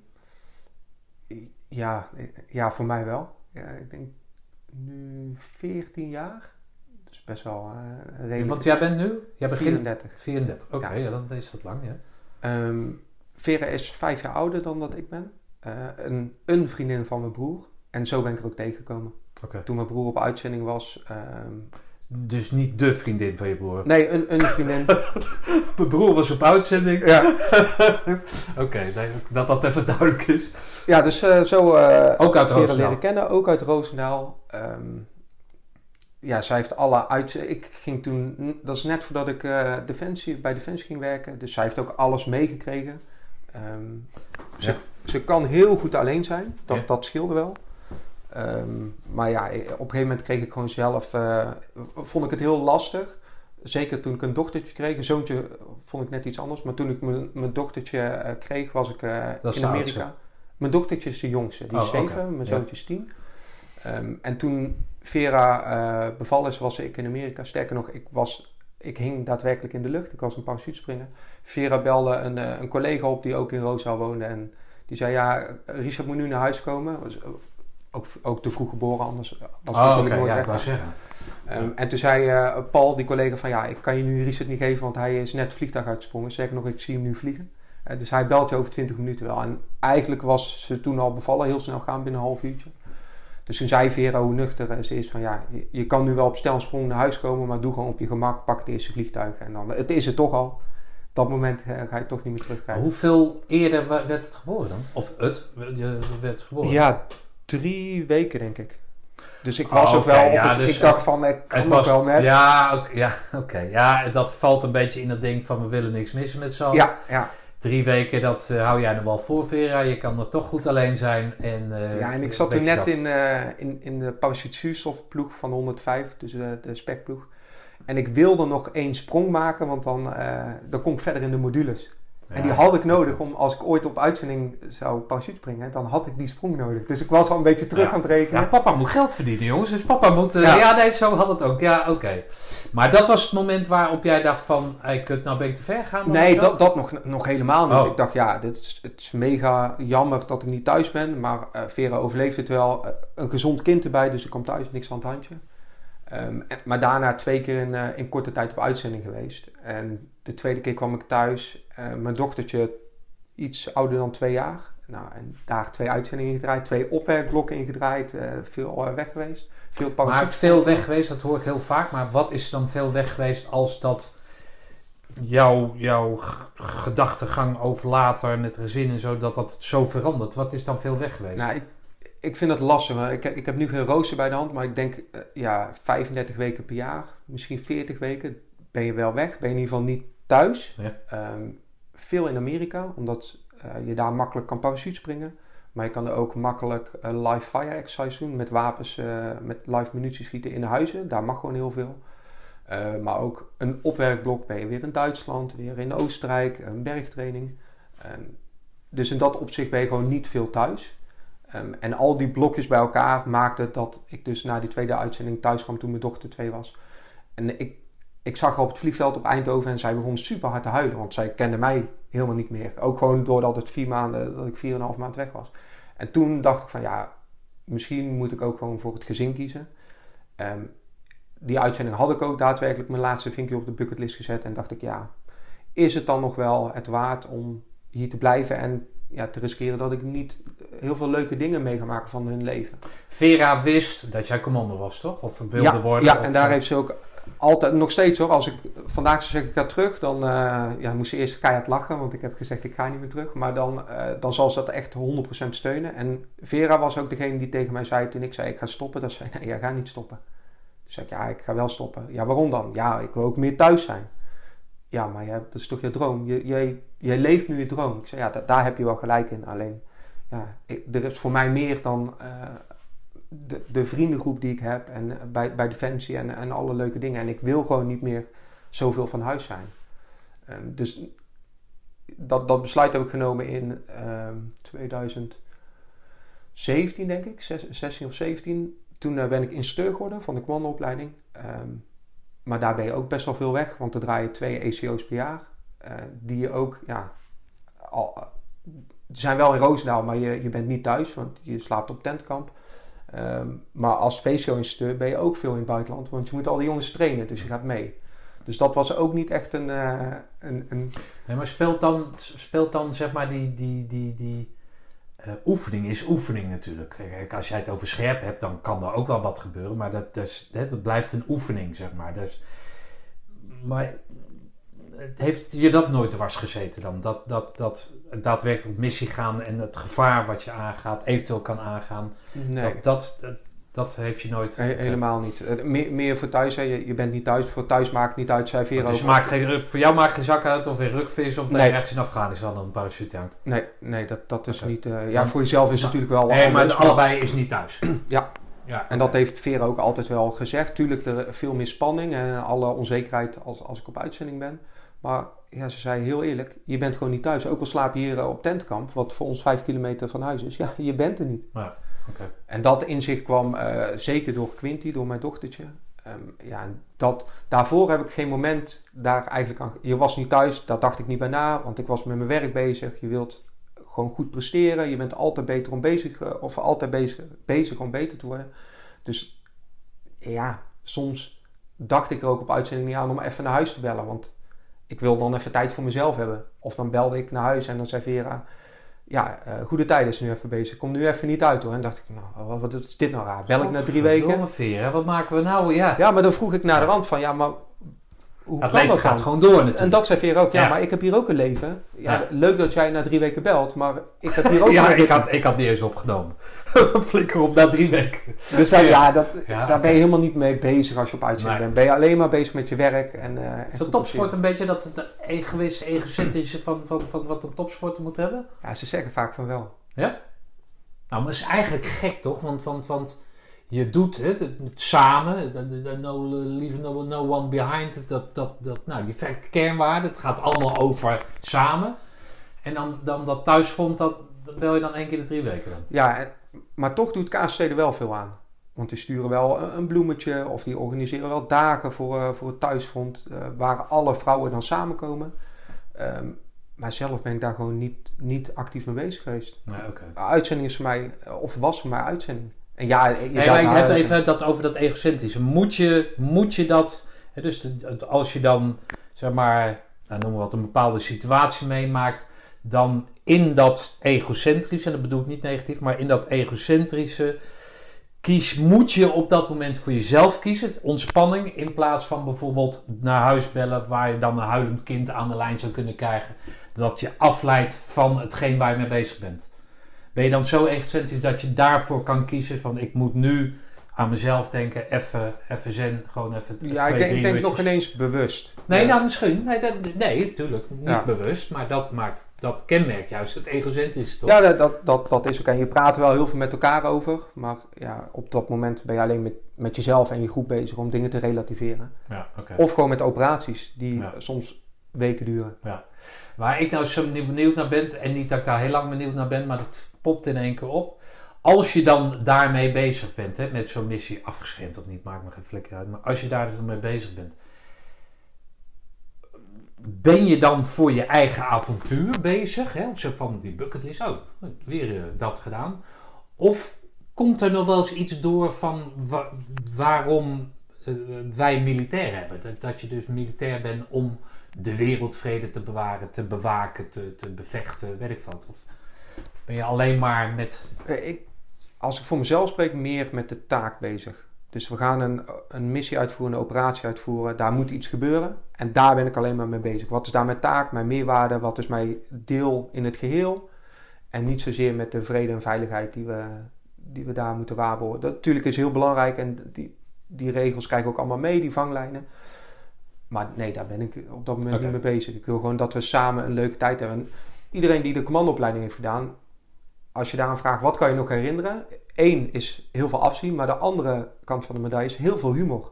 Ja. Dat, daar hoor je iedereen altijd over. Maar dat is op uitzending ook. Je hebt zoveel humor met elkaar, ja, dat, dat is al onbetaalbaar. Hm. En daarnaast maak ik nog heel veel leuke dingen mee. Ja. Hey, op welk moment ga jij dan naar de weet ik veel, personeelszaken en, eh, en eh, eh, het klapje in de houding die zegt van nou kappen mee? Ja, dat, dat was wel een, een, een lastig moment. Want ehm, ik ben instructeur geworden van de commandoopleiding. En omdat ik in de ehm parachuteploeg zat van het KST. Dus is één ploeg die, die springt van boven de 25.000 voet met zuurstof. Ehm, en voor mij was het een logische stap om daarna naar de Defensie Paraschool te gaan. Om para- parachuteinstructeur te worden.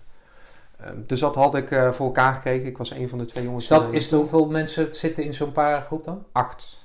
acht Oh, dus van, het hele korps zijn er maar acht die boven de 25.000 voet. Ja, dus je, Springen. iedereen van... Hoeveel eh, is 25.000? Hoeveel kilometer is dat? Ja, 8,5 kilometer. Waar, waar de lijnvluchten eh, vliegen. Dus Ja, als je op oké. vakantie gaat. Godverdomme, dat is hoog man.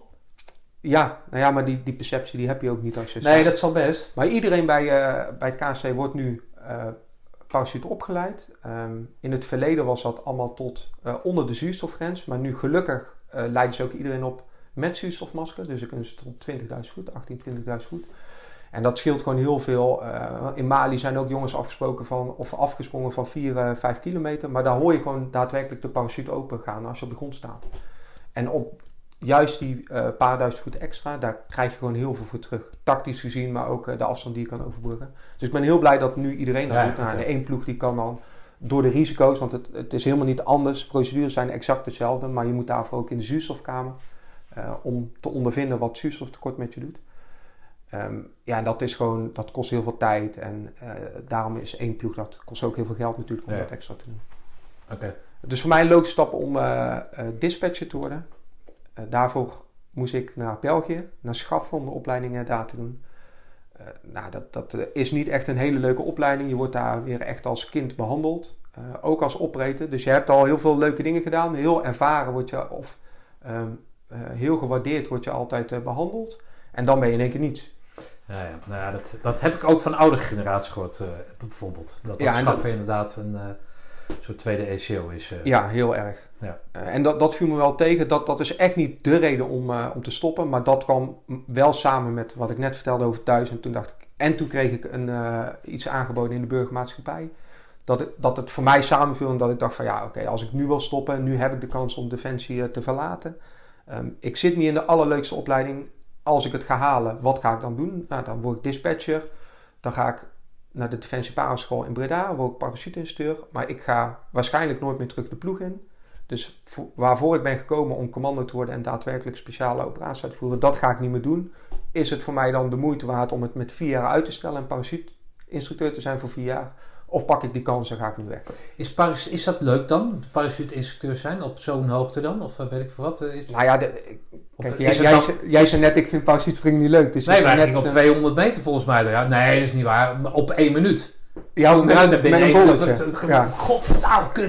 Weet Dat is zo? ook echt niet leuk. Nee, ja, nee, ja, ik vond me gezak aan. Nee, dat, dat vind ik ook eh, niet leuk, bolletjes springen. Maar ja, ja, vrije valspringen vind ik, vind ik zelf Nee, maar als leuk. instructeur. Dat betekent dat je die jongens coacht, stuurt, weet ik veel. En dan, ga je er zelf ook uit. Of Eh, niet? In de oefensetting wel. Ja? eh, maar ehm, die jongens die ons in, in, met de missie gedropt hebben, ja, die, Nee, die, droppen ons het. alleen. Ja, Ja, die, die nee, blijven. natuurlijk. Dus in dat opzicht, nee, is het niet leuk. Maar wel, als je van parachutespringen houdt, ja, dan, dan is het heel leuk. Want Ja, oké. Maar dat betekent dus dat je ook weer veel in het buitenland bent. Dan ben je eh, nog meer weg. continu weg. Ja, heel veel Amerika. Dus dat was het ding van, nou oké, dat zou dan eventueel, het staat niet op bucketlist, maar dat zou een, een optie kunnen zijn. Maar ja, en dan? Maar wanneer ga je dan naar S, wat is het? S1 of eh, wat, wat is het? Ehm, ja, ik, eh, ik weet nog dat ik toen opgebeld heb inderdaad naar, eh, naar mijn cc. Naar eh, Frans Erkelens, was een cc van, eh, van, van de opleidingscompie. Ja, en, en gezegd van ja, sorry, ik, eh, ik stop met de opleiding. Nou, iedereen dacht natuurlijk ik ben uitgevallen, want heel veel mensen vallen uit. Ik zei ja, dat is niet het geval. Sterker nog, oh, je was al in Schaffen. ik, ik was al twee maanden bezig. Oh, oké. Eh, Hoe lang duurde het dan?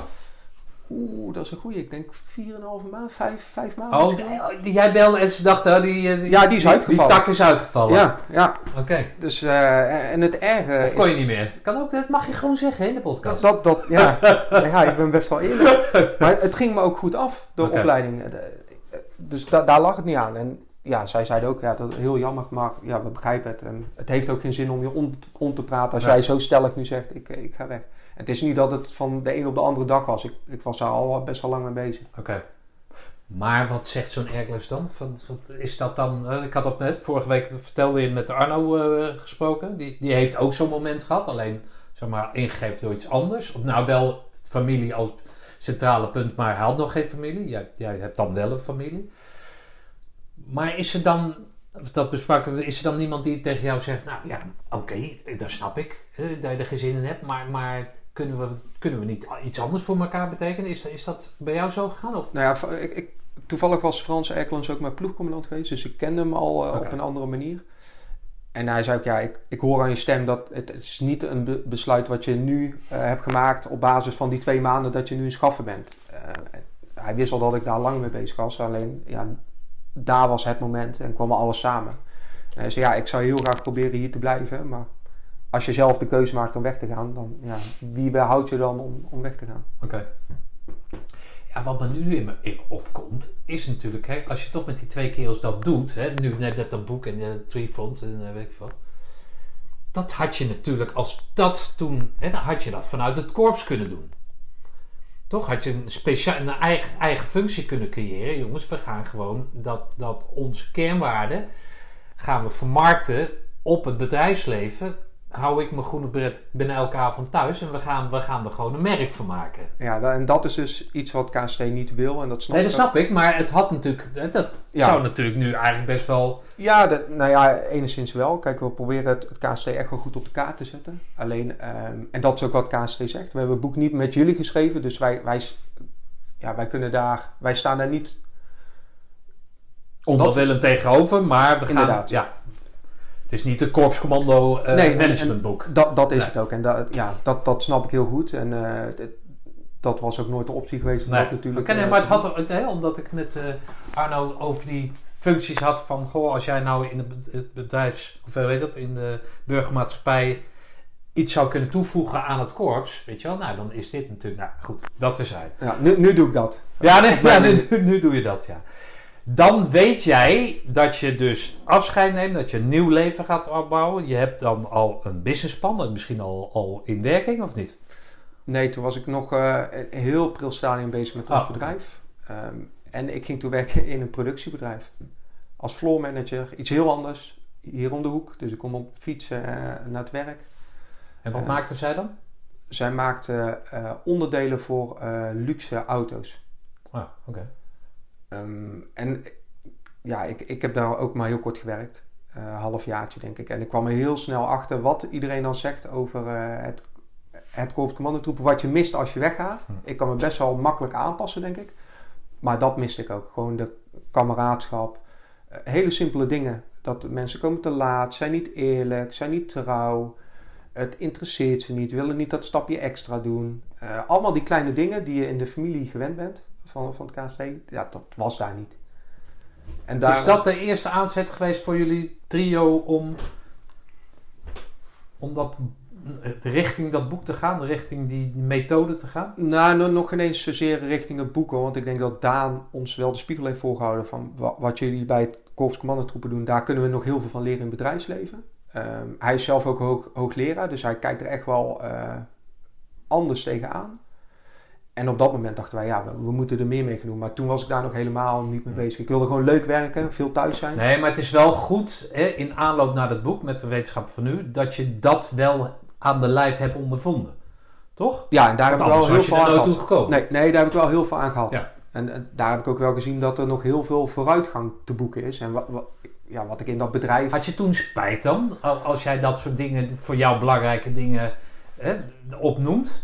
Heb je dan, had je- kut, wat heb ik, nou- ja, het is wel elke avond thuis, maar Ja, ik denk niet zozeer spijt. Er was nog, daarvoor heb ik daar te kort gewerkt. Eh, Nee, maar het gevoel, de, de werkvreugde die jij nu probeert te verkopen Ja. aan mensen, die vond je daar niet terug. nee, ik heb wel geprobeerd om dat eh, eh, ook met mijn team te doen. Ja.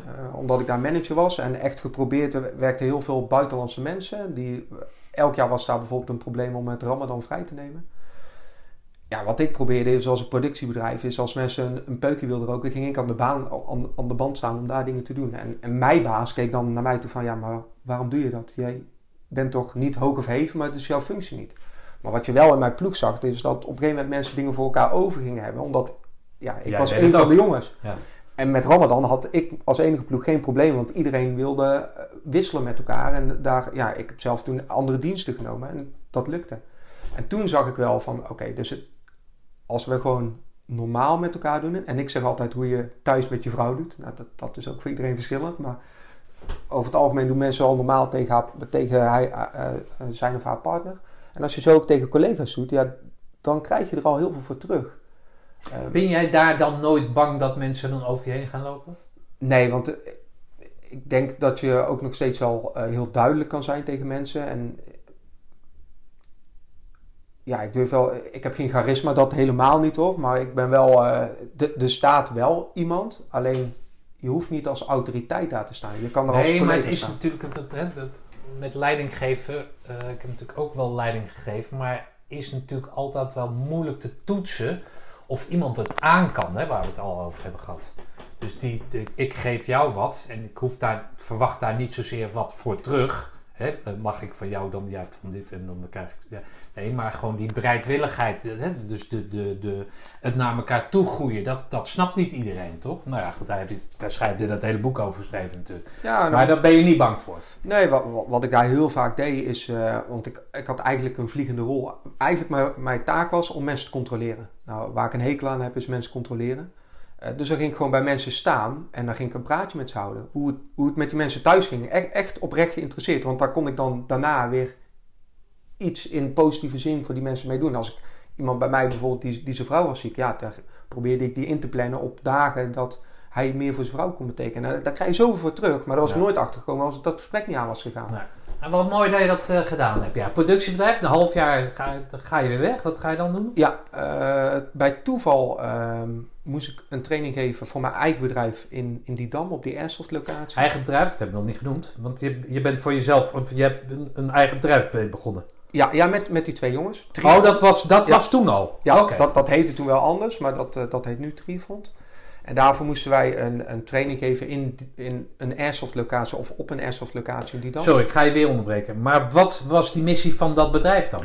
Eh, Want zij waren nog in dienst. Ze hadden, weet ik veel, 40 eh, da- da- da- weken waren ze weg. Ja. Jij zat lekker thuis elke avond. Zo, wat zal ik eens gaan doen? Jongens, we gaan een bedrijf beginnen. Schets wat het is. Ja, wat, wat wij destijds deden is, eh, die oude collega waar we het eerder over hadden, die bij de explosieve opruimingsdienst had eh, gewerkt, Ja. die ging weg bij Defensie, wilde iets anders doen.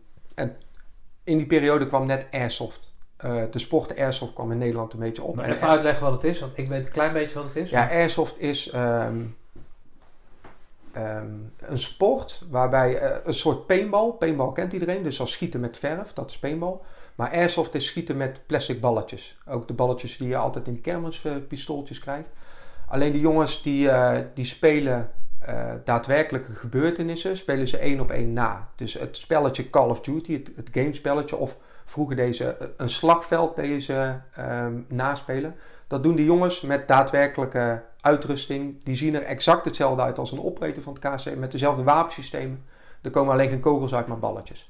Maar die balletjes doen pijn. Die balletjes doen zeker pijn, ja. Ja, dus je hebt ook een, Een gezicht. Ja, oké. Ja. dus niet dat je. Wat heb jij gedaan? Want je had gisteren nog twee ogen. Dat is het niet. Nee, nee, het is, het is ook echt wel een serieuze sport. Ehm, en eh, wat die jongen van de explosieve opruimingsdienst heeft gedaan, die heeft daar een oud sportgebouw eh, gekocht, heel groot. En die heeft dat helemaal omgebouwd naar een indoor jungle. Dus Wat daadwerkelijk grappig, een, een jungle een, een, In die dam, hè? Zei in die dam, tegen, ja, voorbij, net voorbij Arnhem. Hm, Oké. En wat we, ik zeg wel we, maar wat hij heeft gedaan is eigenlijk de trainingscycli die het KST heeft. Eh, als, als je op uitvinding gaat, schiet je je wapens in, ga je vaak acclimatiseren, eh, doe je allemaal bepaalde dingen, die heeft hij daar terug laten komen. Ehm, dus het concept wat wij destijds met het bedrijf hadden, is wij wilden een leuk uitje organiseren, maar niet gaan kaarten op de duinen eh, of, of, of gaan zeilen. Maar wij noemden dat ook de Special Forces Experience. En daarmee hadden we dan een team van een bedrijf. Dat kleden we dusdanig aan dat zij een Special Forces team in uiterlijk waren. Maar die namen we ook mee in de context van ons. Dus die gaven een missiebriefing. En die gingen dan een speciale operatie in de jungle uitvoeren. Wat leuk man.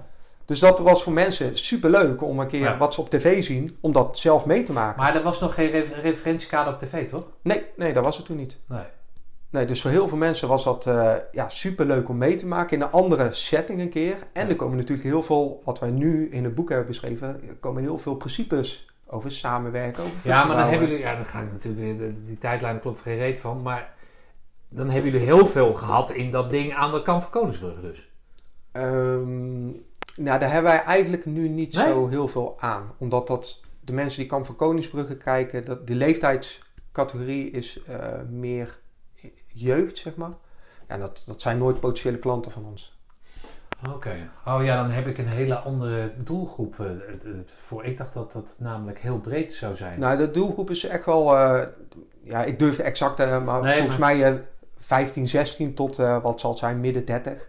Dat is Ja, een ja, beetje eh, oké. de doelgroep. Ja, oké. dus, dus, dus geen CEO's of zo. Nee. Nee, oké.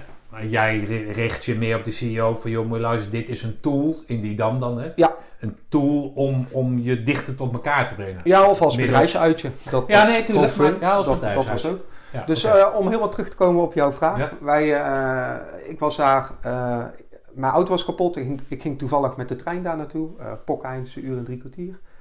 Eh, en in de trein ga ik altijd met iedereen bellen, in de auto ook. Dus eh, ik was een oud collega, een oud ploeggenoot eh, belde ik. Die met mij naar Mali was geweest, zat bij mij op de auto. Die werkte bij een commercieel bedrijf. Gewoon om even te praten. En toen zei hij, waar ga je naartoe? Ik zei, ja, ik ga nu voor ons bedrijf die ervaring geven. Ehm, en zo kwamen we eigenlijk, wat doe je nu dan? Heb je het nog naar je zin? Ik zei, ja, heel eerlijk, eigenlijk niet. Zeg, dus weet jij nog iets? Ik zeg, want jij zit in de sales en jij hebt best wel een groot netwerk. En hij heeft mij in contact gebracht met ehm, de eigenaar van het bedrijf waar ik da- daarna ben gaan werken. De eigenaar van Providence. Ehm, en die heb ik gebeld. En eigenlijk een paar weken later eh, ben ik daar bego- begonnen. En wat Providence doet, is een, eh, het is een Engels bedrijf van eh, twee Engelse eigenaren, twee oud Special Forces jongens van de SAS en een Nederlandse eigenaar. En zij leveren trainingen en eh, technische middelen voor de COVID-markt. Dus daar- daarbij moet je denken aan eh heimelijke audioapparatuur, videoapparatuur, eh, bakens. ehm, Ja, die, jij zei het in het begin ook al, maar het- ik snap dat heimelijke niet op COVID-gebied. Ja, nee, dus wa- wat ze eigenlijk heel zwart-wit doen, is wij leveren afluisterapparatuur. Maar wat heeft dat met COVID te maken? COVID is toch, eh, eh, eh, hoe noem je dat? Corona, of niet? Ja, Ja, maar waarom moeten we mensen afluisteren dan? nu. Ja? Nee, ja, wij niet, maar dat, dat bedrijf dat, dat leefde gewoon in, aan alle speciale eenheden in, in Europa, leefden zij die middelen. Nou ja, nu zijn Maar waarom zeg jij COVID dan? Of zeg- zeg je geen ik COVID? zeg geen COVID. Sorry, wat zei je dan? Je zei... Covert. Oh. COVID! Heimelijke middelen. Oh joh! Heimelijke middelen. Oh, daar COVID. Ik denk COVID. Daar. Laat ik niet te dom overkomen. Laat ik maar knikken alsof ik het begrijp. Oh, COVID. Oké. Ja, Ja? dus heimelijke, Ja, ja. eh, hele kleine cameraatjes, hele kleine microfoontjes, hele kleine eh, bakens om auto's te volgen. Ja, oh, zo ja. Ehm, om mensen op lange afstand af te luisteren. En daar leefden wij dan de middelen voor, maar ook de trainingen voor. Oké.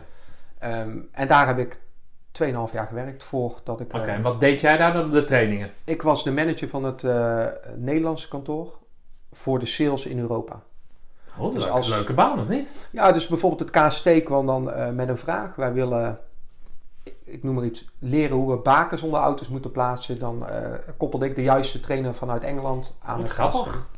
Oké, en wat, wat, wat, wat deed dat bedrijf, die ervaring met, met dat boek of de, de, de ambitie? de- weet ik wel dat dat boek helemaal niet de bedoeling was. Maar wat heb je daar nou geleerd wat je nu nog toepast dan? Heb je daar, heb je daar in, de of in, de, in de geest van dat boek dat, de, dat bedrijf zo kunnen maken dat het... Nee, want het bedrijf in Nederland dat, dat bestond maar uit, eh, nu uit drie jongens. Dus dat, dat was niet heel Ah, groot. Het, het gros, 20, 30 man zat in Engeland. Oh ja, oké. Eh, dus Dus wij moest- hebben, die, die moest gewoon luisteren naar je. Nou, ik, ik heb daar wel geleerd hoe je het, het... Het was een superleuk bedrijf. Ik heb heel veel geleerd, heel veel contacten gehad met eh, heel veel eenheden, speciale eenheden in Nederland. Eh, Ja, dat is helemaal jouw ding natuurlijk. dus dat was Ja, oh, echt is- superleuk. oké. Ehm, maar ik heb daar ook geleerd hoe je het niet moet doen. Want daar hadden we mijn baas in Engeland, ja, dat was een micromanager. Ja, en, en ja, er moet als salesman heel veel geld verdiend worden. Maar hoe je dat doet, dat moet je Ja, aan, degene op de grond overlaten. En dat deed hij niet. Dus daar, in negatieve zin heb ik daar wel heel veel geleerd. Ja.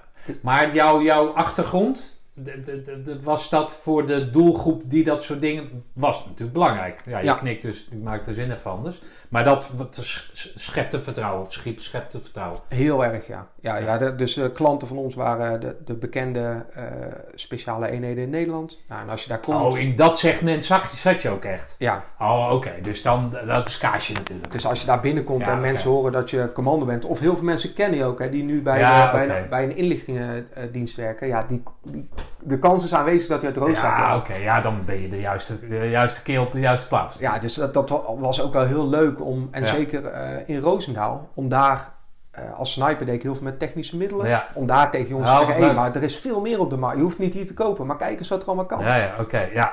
ja, dat is aanvullend dan. Ja, oké.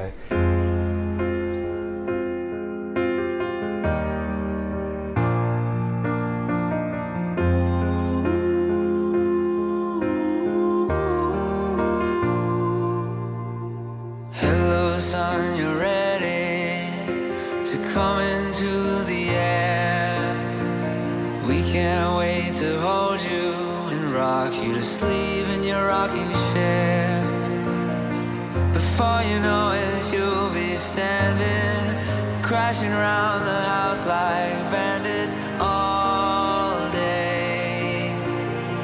You can't get into too much trouble. Nothing's gonna stop me from loving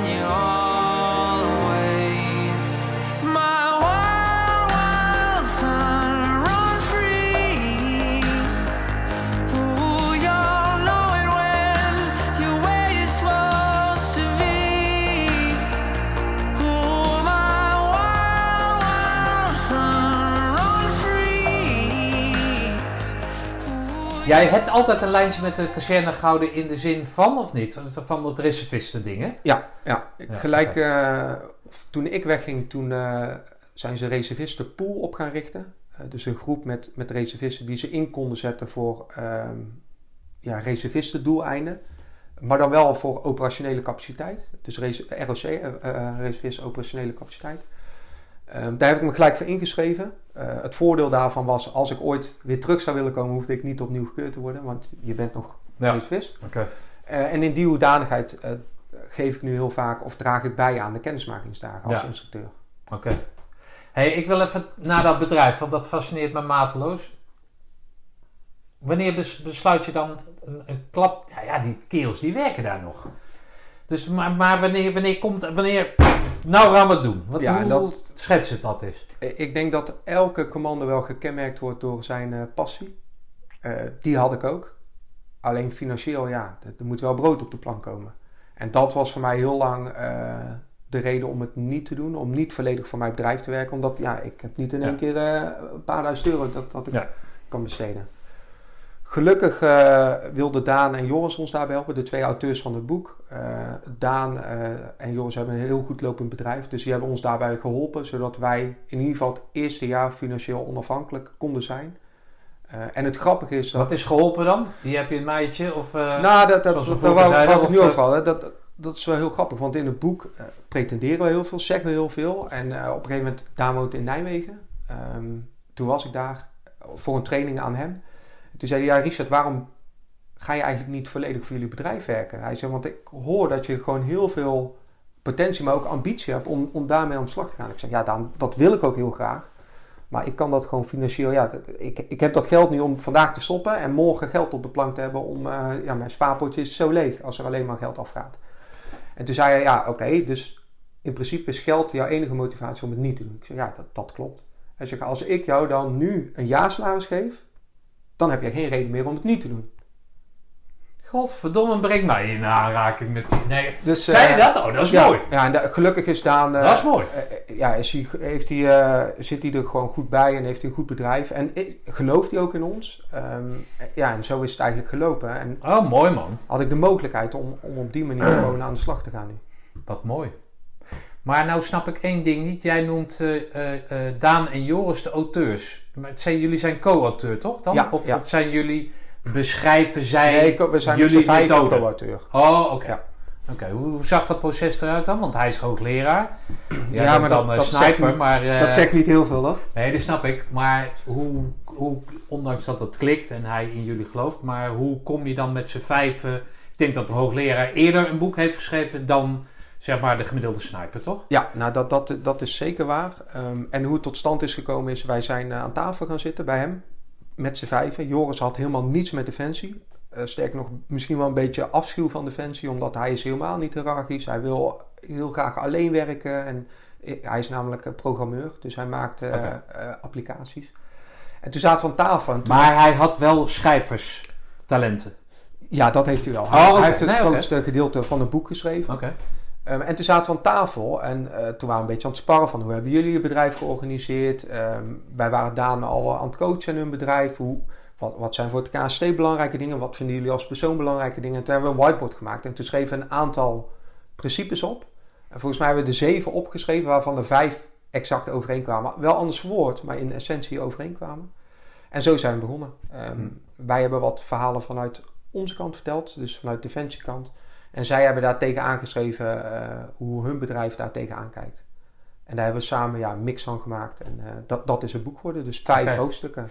Maar even daarop induikend, niet dat ik nou heel graag een boek wil schrijven, maar als jij dan iets, jullie, jullie hè, zeg maar de, de, de, de, de, de methodebedenkers, ehm, eh, die hebben niet veel schrijfervaring. Hè? Maar de, hoe, hoe kan je dan, hoe doe je dat dan? Zeggen van ja, maar niet van dat moet met een tegenschreef worden, Jasper, maar, maar meer van. Zou het niet anders willen verwoorden? Is daar dan nog discussie over geweest? Of, of, of... Ja, we zijn eerst begonnen met een ghostwriter. Dus iemand Ah, oké. Ja, ja. Ehm, en eh, dat was heel raar, want we hebben met z'n drieën vanuit, vanuit Triefront hebben wij dus alle verhalen in een open dialoog hebben besproken. En toen kregen we dat stuk van hem terug op geschrift. En toen was ik het verhaal aan het lezen. Het leek net of een boek van Sander Aarts of Marco Kroon aan het lezen. Oh ja. Echt over... Niks te nadelen. Nee, het zijn hele goeie, echt zijn hele goede boeken. Maar Ja. dat ging over heel veel schieten. En Ja. daar gaat ons boek, daar willen we het Nee. niet over hebben. Dus toen zeiden we tegen die man ook van ja, het is heel leuk, maar omdat jij niet het werk hebt gedaan wat wij hebben gedaan, ga jij het heel romantiseren. En is voor jou, eh, zit het leuke in het schieten. Ja. Maar dat, dat is voor ons niet leuk. Dus toen hebben we dat afgekapt. En toen zijn we gewoon zelf gaan schrijven. Eh, op een hoop gegooid. En dan hebben we dat aan eh, een redacteur gegeven. En die heeft het eh, ja, helemaal geëdit. Dus die heeft Ja, niks, tekst, ja, niks in de context aangepast. Maar wel alle datejes, stages, alle zinsopbouwen. Ja, oké. Maar jullie hadden zelf, jullie met z'n vijf hadden wel van, oh, we gaan dat en dat, we gaan het zo af. Ja. En hoe het dan uiteindelijk vorm krijgt, als die methode er maar goed in beschreven wordt. Maar hoe het dan taaltechnisch en, en weet ik veel opbouwen, weet ik veel hoe het allemaal heet. Maar dat laat je dan over aan de specialist. Ja. Zoals jullie dus altijd werken. Ja. Hè? De specialist erbij roepen. Ja, en het voordeel eh, hebben we gehad dat eh, wij zelf een, eh, het uitgeefproces hebben gedaan. Dus we hebben, wij zijn niet naar een uitgever gegaan van wij, wij hebben dit concept, kan je het uitbrengen. Niet zozeer financieel gezien, maar eh, die optie hebben we wel verkend. Maar daar hadden wij geen inspraak over de kaft. Nou ja, als je de kaft ziet, alleen dat barretje, als je dat er al uithaalt, dat, dat zou je aan defensie kunnen linken. Maar niks met wapens en... Nee. ehm, en de uitgever die wij hadden gecontact wilde allemaal stoere poppetjes erop hebben met heel veel wapens, heel veel eh, Ja. explosieven. Wij hadden geen inspraak in de titel, we hadden geen inspraak over het uitgeefproces. Alle rechten waren we kwijt. De inhoud wilden ze ook inspraak in hebben. Dus vandaar dat we hebben gezegd, nou, we gaan het gewoon helemaal zelf doen. Hm. Ehm, en we zien wel wat schipstrand. Zet Hey, wat, wat eh, voor, voor de gemiddelde luister, stel dat hij ook een, eh, een managementboek eh, wil schrijven. Nee, maar wat kost zo'n boekje dan? Omdat dat proces, omdat eh zomaar st- steek in de lucht. Ja, het, wij hebben nu helemaal zelf Met gedaan. die ghostwriter, met weet ik veel wat, alles erop en eraan. hè. Dus dat hele proces. Oh, hoe we het nu hebben gedaan? Nou, nou ja, goed, de manier waarop jullie, zoals het nu hier in de boekenkast staat, hoeveel heeft dat nou ongeveer gekost? Ja, voor als je het traditioneel doet, dus je het later door een uitgever doen, dan is 80% van, de, van alles is voor de uitgever 20% Snap ik. ons. Nu is het omgedraaid. En volgens mij zijn wij, het, het boek kost inclusief BTW 22 euro. Dus ach- 18 euro volgens mij exclusief BTW. En daar gaat ook al eh, iets meer dan 10 euro gaat naar drukkosten. eh, mensen Ja. die eh, toch een stukje marketing doen. mensen die het boek geëdit hebben. Gelukkig hebben wij dat in één keer betaald. Dus die kosten hebben Ja. wij eenmalig. Maar ja, ik, ik- denk dat je ongeveer 40% zelf overhoudt. Ja, dus een paar euro per boek. Nou, daar- Ja, gelukkig gaat het daar niet om. Maar wat kost het boek? Wat heeft het boek gekost? Wat heeft zo'n ghostwriter die... Oh, zo in totaal. Ja. Ja. ik, ik denk wel alle vaste kosten wel 15.000 euro. 10.000, 15.000 euro. Weet jij hoeveel boeken je moet verkopen? Weet ik toevallig, ik weet heel veel. Nee, maar dat hoor ik laat. Om je bestseller te noemen. Ligt eraan op welke website. Want volgens dat mij een ik echte, dan weer echte Oh, bestseller eh, Nee, voor een, eh, bijvoorbeeld een boek van Sander Aarts. Eh, Ja. Volgens mij is zo'n boek is 25.000. En Ja, bij een nee, managementboek is het al 1000. Dus wij zijn best Oh, wel een oké. managementboek. Oh, zit daar verschil in? Ja. Oh, ik schrok namelijk van het feit dat 20, het bestseller, dit bestseller, 20.000 boekjes. Nou, het is natuurlijk ontzettend veel.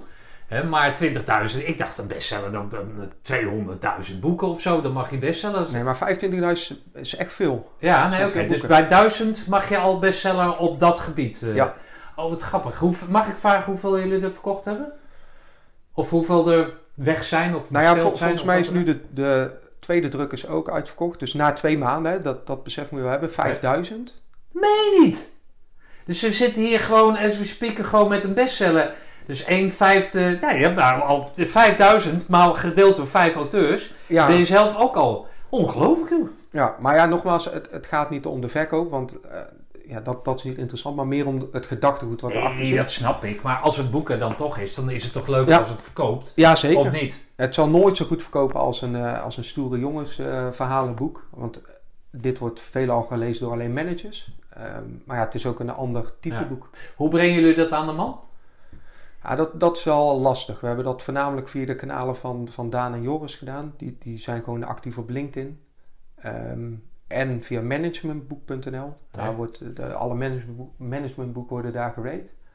Ehm, en op die wijze. En nu merk je gewoon dat eh, mensen het gaan lezen. Het, eh, ja, het aan iemand anders laten lezen of adviseren. Koop dat eens, een andere blik. Ehm, Dat, dat, dat eh, Daan is hoogleraar, de andere is eh, programmeur.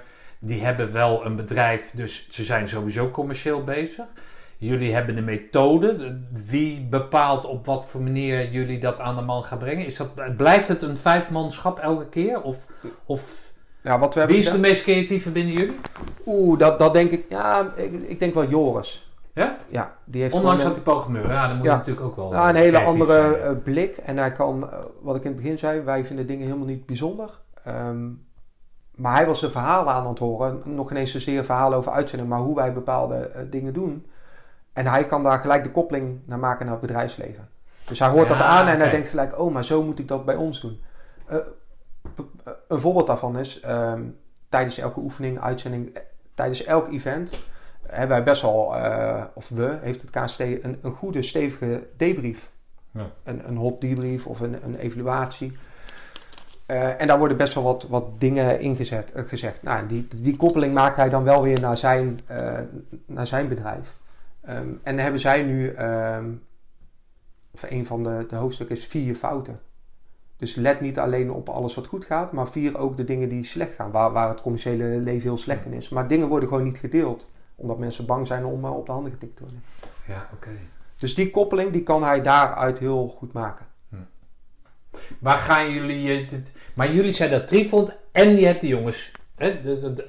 Dat, dat, is dat boek. Ja, dus het boek maar jullie zijn met z'n drieën gaan door met dit als, als, als leaflet, zeg maar. Ja, dus het boek heet Greenon. En het bedrijf wat Greenon implementeert, leert, traint, die methodieken leert, want we hebben het ook getrademarkt, is Trifond. Wat Is- is is- trademark? Dat is dat- vastgelegd. Ja. Ja, oké. Ja. Huh. Dus het is echt eh, een afgeschermde missie. Er mag niemand aan zitten met zijn klauwen. Ja, jawel. Dat, en, en zeker eh, mensen met het, met Waarom trademark je dat dan? Ja? ja, dat is gewoon puur commercieel. Ben ik benieuwd waarom je dat dan trademarkt. Ja, omdat veel... ehm, omdat er heel veel bedrijven zijn die eh, dit willen onderwijzen dan. Hè, want die hebben dat boek gelezen. En eh, dat is... eh, als je, een beetje het kringgesprek van vroeger op school. Het, het ging over een olifant die een kaas had en uiteindelijk kwam de dolfijn Oh, aanzwemmen. Ja. We willen gewoon niet dat, dat mensen dingen gaan onderwijzen waar ze geen verstand van hebben. Eh, en het feit is wel dat... ehm, Ja, maar hoe zit dat dan juridisch? Dat- dat- Mocht er iemand zijn die op LinkedIn tegenkomt en die... ze mogen dit allemaal onderwijzen, alleen ze mogen eh, niet zeggen wij eh, trainen mensen op basis van de Greenon-principes. Ja, oké.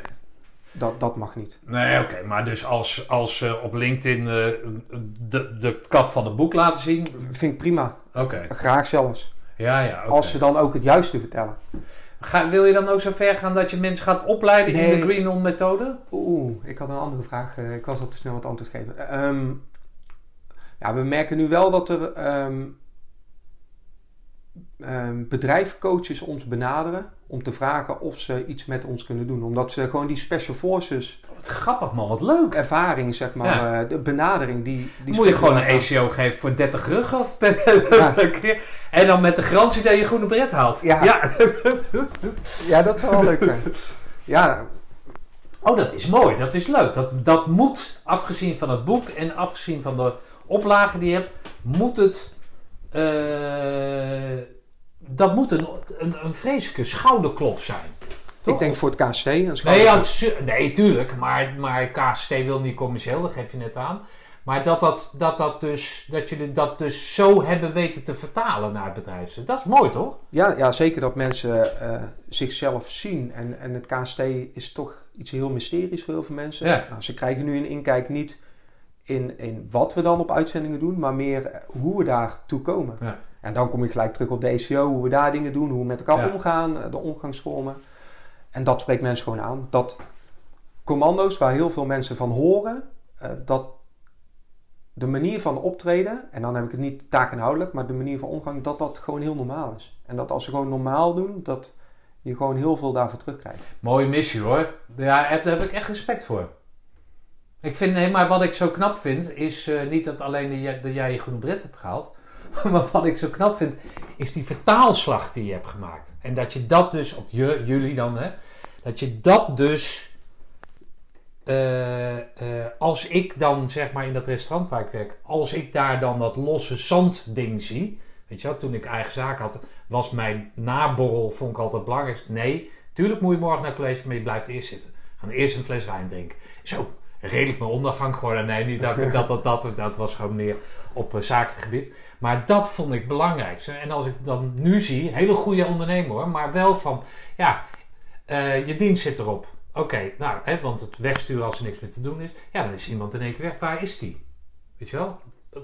Uh, ja, ja, die zal wel weg. Ja, die zal wel weg zijn. Hoezo zal die? Dan gaat, hé, ik ben weg. Want, maar je moet dat en dat. Dat heb ik nog niet gedaan. Gewoon weg. Alles laten vallen. Oh, ja, ik ben weg. Weet je wel? Klaar. Ja. Nou, dat soort dingen. Als je die vertaalslag dus weet te maken met die kernwaarden naar de bedrijven die dat dus nodig hebben, dan vind ik dat knap. Daar heb ik respect voor. Waar gaan jullie heen? Ja, zoveel mogelijk mensen leuker uh, laten werken. Dat, dat is echt uh, onze missie. En ja, ik, ik, word nog steeds elke dag gelukkig van dat ik. En voor ons is dat ook heel makkelijk, omdat door de dingen die wij hebben meegemaakt, door die koppeling te maken, kan je mensen heel snel duidelijk maken dat het in het meest extreme dat je ooit mee kan maken, dat het daar werkbaar is en toegepast kan worden. En heel veel mensen, de eerste vraag van mensen die niks met defensie hebben en die met trainen komen, dan steken ze de hand op, ja, maar wij schieten nooit. Bij ons gaat het niet om leven en dood. Nee, niet, niet als je er zo naar kijkt. Alleen als jouw bedrijf failliet gaat omdat uh, iedereen uh, alles aan zijn laars slapt, dan denk ik dat je ook heel teleurgesteld bent. En dan is het in één keer wel in een, zekere vorm van leven en dood. Dus die, die koppeling die we daarmee kunnen maken, die is gewoon super leuk. ja, en dat opent ook wel ogen van mensen. Hm. Over vijf jaar, ik vind het altijd een kutvraag hoor, maar over vijf jaar, waar, waar, waar zie je jullie staan dan? Nou, ik, waar zou je willen staan? Eigenlijk waar ik het liefst sta, gewoon voor de klas. Waar ik vier jaar geleden een hekel aan had, voordat ik, uh, of zes jaar geleden, voordat ik sergeant werd, had ik, durfde ik niet voor de klas te staan. En nu vind ik het het leukste wat er is. Hm. Gewoon mensen meenemen in, en, en een andere kijk te laten hebben op dingen. Want het is geen kwestie van goed of fout, want ja, heel veel mensen werken al heel goed. Alleen ja, als ze net iets anders doen of een andere kijk krijgen. Dan, van de week had ik iemand die ging voor het eerst uh, ging, ging die yoga doen. Ik, ik heb niet heel veel met yoga, maar ja, we hadden gezegd, zoek een manier om jezelf te ontspannen. Ging yoga. Super eh, ontspannend voor, die, voor diegene nu. Hm. Ja, daar, daar word ik vrolijk van. Ja, oké. Grappig. Dus over vijf jaar, of je in die vijf jaar, eh, nou laten we die vijf jaar loslaten. Jullie willen dat geluk dus overbrengen. En dat is hetgeen eh, wat jij dus nu doet vanuit de burgermaatschappij, hè? met een duidelijke link naar de kazerne. Eh, maar die andere kerels, die, die, die jouw compagnons, die, dat, die blijven bij. Die blijven operator zijn. Of wat, wat, Nou is hun plan dan? Nou, hun plan is ook wel eh, om met de tijd weg te gaan. Eén collega die, die wil wel op korte termijn eh, eh, weg bij Defensie. En de andere jongen is nu hondengeleider. Dus een, een hele eervolle taak. Want sinds een aantal jaren hebben we honden bij het KST. Maar die honden die zijn heel bijzonder. Omdat de honden kunnen bijten op commando. Eh, maar die kunnen, de honden kunnen ook speuren. Dus het is een multipurpose hond. Wat uniek is in, in Nederland. Alleen het korps commandotroep heeft die. En daar zit gewoon zoveel tijd in. Ja, dat kan je natuurlijk, die band kan, mag je niet verbreken. Nee, dat, dat is eh, Nee. voor eh, zijn hond dan, Cliff. Die, de hond betekent net zoveel als, als dat, dat ik of zijn vrouw voor hem betekent. Dat, dat is gewoon zijn Ja. maatje. En als hij nu weg zou gaan, dan gaat die hond naar iemand anders toe. Dan, dan gaan ze een nieuwe hondengeleider op, eh, opleiden. Maar dat is een, een proces van jaren of zo. Dat, dat, ja, die, die Want die kernwaarden die kan je in de laars lappen, maar met een hond is het natuurlijk even niet over Nee, kernwaarden dus het- praten. Het is totdat de hond met pensioen mag. Ja, gaat hij daar blijven werken. Ehm, en gaat hij daar al zijn liefde en zaligheid met die hond doen. Want hij is er ook gewoon echt super goed in. En het KST heeft heel veel aan die hond. Want zoveel honden hebben ze niet. Ja. Heeft hij gezegd, ik maak dat af met die hond. En of hij moet iets markeren, dat hij niet meer kan werken. Of als hij met pensioen kan, dan, dan pas stap ik in. Nou ja, plausibele reden om, eh, om het... eh, maar goed, dat maakt het nog sterker natuurlijk. Dat je nog, een- nog een baken in de kazerne hebt dan op dat moment, toch? Eh, Is ook aan de andere kant moeilijk. Want je kan hem nooit inplannen. Nee, Hij- tuurlijk. Maar je je hebt... zijn naam niet Ja, noemen. maar marketingtechnisch is het toch ook wel weer lekker. Ik heet eigenlijk die piep, maar ik eh, noem mij maar Kees. Want dat, dat, die hele magie is natuurlijk geweldig dan. Ja, en da- daar zijn we wel heel erg tegen aangelopen. Want wij zelf zijn daar niet zo van. Van de piepjes, de balkjes en special forces. Alleen, eh, het liefst noemen we het helemaal niet. Maar we hebben wel gemerkt dat als je gewoon zegt dat je commando bent of special force operator. Ja, dat doet wel iets met mensen. En als Ja, je dan- maar als je toch zo'n boek hebt, Richard, dan moet je dat toch wel zeggen, of niet? Nou, dat, dat, dat is ook zo. Ehm, en, en daar, daar zijn we nu ook. Alleen, ja, daar, het, een jaar geleden genoot het niet meer voorkeur om op de voorgrond te treden met... Kijk eens, hier, eh, hier zijn we. En, eh, Ja. Maar Ja. ja. blijkbaar werkt het wel. En, Ja. en kopen mensen daardoor eh, wel je boek. En lezen ze in ieder geval eh, een andere manier van werken. Hey, als jij nou eh, niet, oh, jij dacht ik ben net begin 30, dus je komt net kijken, maar als jij nou zeg maar op je levensverhaal tot nu toe terugkijkt, hè? ik hoor jou zeggen, ik heb het mijn avontuur geleefd, hè? of iets, iets dergelijks zeg je. Ik heb bewust gekozen hè, na dat egoïsme of dat egocentrische van, van het topsporter die een, een, een goede bedrijf, een operator die een topsporter moet zijn, eh, heb ik geleefd. Ik heb mijn, mijn bucketlist heb ik af. Ik ben in de gelegenheid gesteld met, een, met onze methode om eh, mijn, eh, mijn droom, weer een tweede droom na te leven. Hè? Het implementeren van die kernwaarden binnen het bedrijfsleven, als ik hem zo mag samenvatten. Als je zo eens terugkijkt op, op jouw leven, als je het nog een keer zou mogen doen, zou het, zou het dezelfde manier aanvatten? Ja, Ja, we hadden afgesproken dat jij dan nee zou zeggen. Nee, maar ja, zou je dat op precies dezelfde manier doen? ja want ik, ik, dat, dat zeg ik ook eh, wel eens tegen mijn moeder. Het, het KST heeft me wel gemaakt eh, ja, hoe ik nu ben.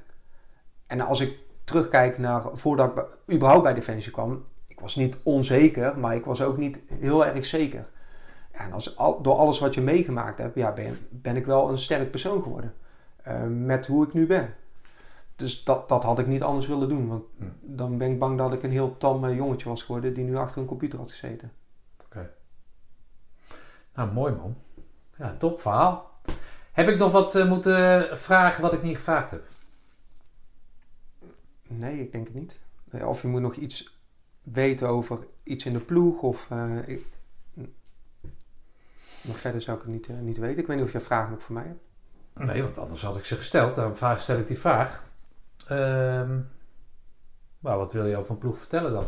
Kijk, ik vind namelijk dat, dat, dat, dat eh, ik vind dat boek, dat commando's zijn overstijgen, waar jij het dus eigenlijk ook al over hebt gehad, weet je wel. Het, kijk, dat ploeg, dat, is dat, dat zijn die operaties en weet ik wat. En, maar eh, wat ik juist eh, in al die interviews wat ik nou zo mooi vind, is dat het daar eigenlijk helemaal niet over gaat, wat jij dus ook zegt.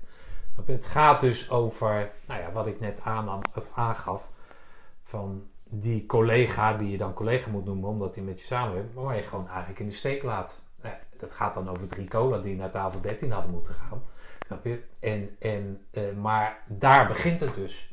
Als je dat dus niet kan, niet doet, weet je wel, dan neem je dat dus je hele carrière, waar je ook te werk bent, neem je dat mee. En als je dat dus al op de basis kan, kan vormen, snap je, op jullie wijze, hè, dan, ben je, dan ben je eigenlijk al een stuk beter, kom je aan de start. Daar gaat het over. Ja, zeker. Toch? Ja. En daar gaat het bij het KST natuurlijk ook over. Als jij, je kan dan nog, nou ja, het, het aloude voorbeeld natuurlijk, bij de eerste dag van de vooropleiding of bij de ECO. Die kerel die als eerste over de, over de, de, de stormbaan heen is. Wordt van, ja, wat is er met jou aan de hand? Toch? Ja, ja, zeker. Moet jij niet iemand anders... Ja, maar die zit een heel... Dat was ook de kerel die zeg maar een soort gecamoufleerd de eerste dag al va- vast aankwam. Ja, toch? Ja. Ik zei van, ja, joh, moet luisteren. Het leuk dat jullie er zijn, maar ik kan hem in principe al opzetten, want ik heb hem eigenlijk al gehaald. Daar, ga, daar gaat dit boek toch over? Ja, ja, zeker. Nou, maar ik vind het ook mooi, ehm, als je kijkt naar de commandoopleiding, maakt niet uit welke lichting je spreekt, eh, dat, dat mensen elkaar na zoveel jaren nog steeds spreken. Ja. Nou, dat, dat kan je in het bedrijfsleven eigenlijk niet voorstellen, waar je op je achttiende begonnen bent en, en als je nu 50 bent, dat je die mensen nog spreekt. Dat, dat Ja. zegt wel iets over wat je in acht weken met elkaar kan bereiken. Ja. ja, als je me heel plat slaat in die acht weken, en dat is dan voor mijn luisteraar wat, vooral wat oudere luisteraar, waar, hè, ik wil benadrukken dat ik zelf ook oud ben, is dat wij, natuurlijk door dat, die VCO en al die beelden en met een hond uit, eh, uit een vliegtuig op, eh, weet ik veel, 3 kilometer, 10 kilometer, dat het allemaal wordt van, jezus, nou dat hadden wij nooit gekund. Hè? Maar dat jullie generatie, hè, dat, elke keer dat maar blijft benadrukken. Dat die acht weken gewoon de basis zijn voor hetgeen wat daarna gebeurt. En dat wij dan hè, ja, to- toevallig in een oorlog zat, zaten waar er niks gebeurde. Hè? En dat jullie het geluk hebben gehad. Toch? Zo, zo Ja. praten jullie allemaal. Met de neus in de boter gevallen. Weet ik van, ik moet er niet aan denken. Maar snap je dat je dat, die uitzending hebt mee mogen maken. Maar dat komt natuurlijk allemaal omdat je er zelf voor gekozen hebt. En ik, met dat hele zelf kiezen vind ik mooi dat je dat dan nogmaals vertaald hebt kunnen, hebt kunnen vertalen met die eh, vier anderen tot iets waar we allemaal wat aan kunnen. Nou, Ries, bedankt voor het, eh, het mooie gesprek. Ja, jij ook bedankt. Ik, eh, ik blijf je volgen. We zullen in de show notes even opnemen waar dat eh bestsellersboek eh, besteld kan worden. En eh, kunnen mensen jou een mailtje sturen als ze een, een vraag hebben daarover? Kan altijd. Ja? Ja. Nou, dan zet ik dat erop. Nou, dankjewel man. Ja, jij ook. Richard, mooi verhaal man. Ik ga je volgen. We zien elkaar op de reunie. En green on!